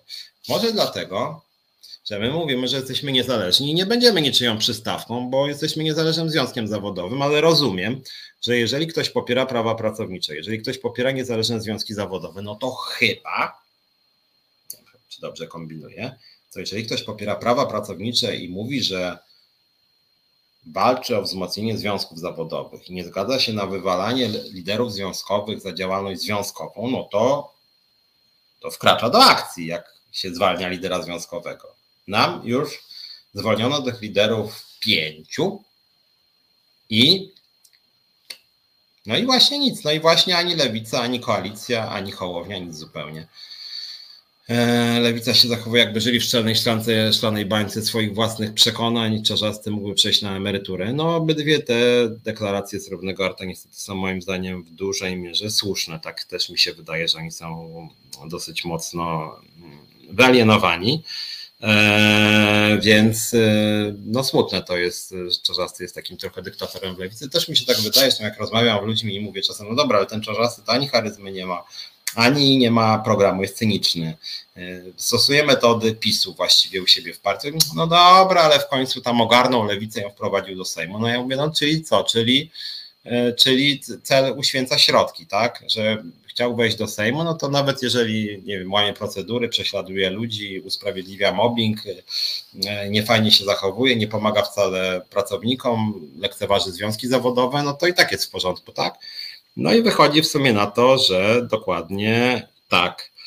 Więc to jest dla mnie bardzo, bardzo smutne. Eee Sreb Paulus pisze, że gdyby był na poziomie, to sam y, zszedłem cień jako ciało doradcze, bo jakieś doświadczenie ma, ale nic twardo się trzyma i dla złagodzenia wrażenia z biedreniem występ. Znaczy nie no, chyba czarzasty Paulusie sobie wymyślił, że on będzie wicepremierem, bo już jestem wicemarszałkiem, więc się pcha do tej limuzyny i ciągle tylko mówi, że już, już trzeba ten rząd tworzyć, już trzeba rząd z koalicją i trzecią drogą. Czyli jeszcze raz najostrze się pcha do tego rządu. Więc to są rzeczy, które mi się szczerze powiedziawszy po prostu nie podobają. Zaraz musimy kończyć, więc jeszcze może kilka takich uwag podsumowujących dzisiaj. E, więc tak, e, w międzyczasie, nie miałem o tym czasu specjalnie mówić tydzień temu, pamiętajmy, weszło 22 września ustawa nowa o tak zwanym zabezpieczeniu dla liderów związkowych, to znaczy ustawa, którą myśmy bardzo ostro krytykowali, ale wchodzi w życie, no i cóż działa. Uważam, że ona może długoterminowo zepsuć wizerunek związkom zawodowym. Chodzi generalnie o to, że jeżeli lider związkowy zostanie zwolniony dyscyplinarnie, to w ramach zabezpieczenia sąd ma obowiązek, obowiązek przywrócić go do pracy do zakończenia rozprawy sądowej na ten temat. Czyli jak gdyby na czas procesu związkowiec ma pracować, tak? I dopiero jak będzie wyrok, to wtedy straci pracę albo jej nie straci, tak? Natomiast do zakończenia procesu ma mieć pracę. Dlaczego to jest złe prawo? No ja już Wam mówiłem nieraz o tym. Chodzi o to, że nawet jeżeli e, związkowiec, nie wiem, pijany będzie kierował autobusem, to ta ustawa daje mu dokładnie taką samą ochronę, jak związkowiec, który jest zwolniony za działalność związkową. Więc krótko mówiąc, zrównuje się przestępców, oszustów e, z bojowymi działaczami takimi jak nasi, jak na przykład Ilona Garczyńska, czy Dariusz Pawelczak, czy Krystian Kosowski, e, czy właśnie ostatnio kolega Ślusarczyk. Mm, więc, więc no cóż, E, uważamy, że to jest bubel prawny, ale ustawa weszła w życie, w związku z tym wszyscy nasi liderzy zwolnioni będą, e, już większość z nich napisała już stosowne pisma o przywrócenie do pracy. E, warto o tym pamiętać. Natomiast podsumowując ten wątek kampanii wyborczej, o której trochę mówiłem, przyznam Wam szczerze, że ja się dziwię też politykom, dlatego że niezmiennie, niezmiennie w badaniach opinii publicznej wychodzi, że dla Polaków najważniejsze są problemy związane z ochroną zdrowia, z systemem emerytalnym, z inflacją, czyli poziomem płac. To są najważniejsze sprawy dla Polaków. A tymczasem w polskiej polityce głównie mamy jakieś rasistowskie, yy, rasistowskie licytacje, kto jest bardziej antymigrancki. To jest w ogóle jakimś kuriozum po prostu, tak? Że nagle słyszę, ostatnio ze dwa dni temu od Gil Piątek usłyszałem, że Polska powinna przyjąć zero migrantów. W ogóle zero migrantów to, to Korea Północna chyba tylko ma taką ambicję. E, więc, więc ja przyznam szczerze, że tego nie rozumiem, że ta polska polityka jest aż na tak niskim, piekielnie niskim poziomie i nie mówi się o rzeczach najważniejszych dla społeczeństwa i największe partie nie mają pomysłów odnośnie tych najważniejszych spraw. Moim zdaniem jednym z kluczowych wyzwań najbliższych lat będzie aktywizacja zawodowa społeczeństwa. Aktywizacja jest jednym z najważniejszych celów, dlatego że wskaźniki demograficzne są coraz gorsze. Polityka pisowska na tym obszarze zaleciła totalną klęskę, nie udało im się. Program 500 plus czy 800 plus już niedługo pewnie w ogóle nie działa na żadnym obszarze, jest kompletnie nieskuteczny. Więc, więc e, moim zdaniem trzeba by zmienić politykę społeczną, trzeba by e, zrobić wszystko, aby Polacy byli zdrowsi, e, aby mogli dłużej pracować, aby praca im dawała więcej satysfakcji, aby praca była bardziej stabilna, aby pensje były wyższe, aby, aby były układy zbiorowe w gospodarce i żeby ta praca była bardziej przewidywalna też aby był dialog społeczny, a dialog społeczny to są między innymi silniejsze związki zawodowe i nieskorumpowane, czyli trzeba by tak zmienić ustawę, żeby nie było jakiejś absurdalnej, totalnej ochrony związkowej, tylko żeby związki zawodowe jako organizacje miały większe uprawnienia. I niestety tego kierunku, o którym teraz mówię, nikt nie reprezentuje. Znaczy to, że wszyscy w ogóle przytakują temu PiSowi, jakieś właśnie, tak jak powiedziałem, szkaradne jakieś podejście do uchodźców imigrantów, właściwie praktycznie wszystkich partii, które się dały PiSowi zaszachować. Jakieś kuriozalne bronienie tego najniższego wieku emerytalnego kobiet w Unii Europejskiej, w ogóle różnicowanie wieku emerytalnego kobiet i mężczyzn. Brak jakichkolwiek pomysłów na rzecz aktywizacji zawodowej społeczeństwa. Nie rozumiem tego wszystkiego. Uważam, że to wszystko jest szkodliwe, niemądre. Przy okazji nikt nie traktuje poprawy jakości usług publicznych jako priorytetu. Lewica czasem o tym mówi, ale w drugim zdaniu mówi, że trzeba wszystkie świadczenia pisowskie zostawić. No to trzeba się na coś zdecydować. Albo usługi publiczne, albo to pisowskie rozdawania pieniędzy. Jak ktoś nie chce podnosić podatków, to nie można jednego i drugiego płacić. Nie wiem, jak Czarzasty by chciał wszystkie pisowskie świadczenia zostawić, a przy okazji jeszcze władować w usługi publiczne na przykład 150 miliardów rocznie. No nie da się tak po prostu. Trzeba być uczciwym. Ja jestem człowiekiem uczciwym, może dlatego nie jestem e, e, politykiem, nie startuję w tych wyborach, ale uważam, że trzeba być uczciwym. Jak ktoś mówi, zostawię wszystko, co PiS dał, dodam jeszcze 150 miliardów i nie podniosę podatków, to to się po prostu kompletnie kupy nie trzyma. Po prostu. Tak uważam. Dobra, słuchajcie, powoli muszę kończyć, więc tak jak e, mówiłem, trzymajcie za nas kciuki. Jutro o godzinie 9 w Warszawie sąd będzie podejmował decyzję odnośnie mm, pozwu z e, Zakładu Ubezpieczeń Społecznych przeciwko nam. Liczę na zwycięstwo, jeżeli nie, no to wtedy byśmy do sądu apelacyjnego poszli, mm, odwołalibyśmy się natomiast liczę jednak na zwycięstwo. Dzisiaj kończy się referendum strajkowe w ZUS-ie. Jak nas oglądają pracownicy ZUS-u, gorąco jeszcze zachęcam do głosowania. Mamy jeszcze szansę, żeby przekroczyć 50%.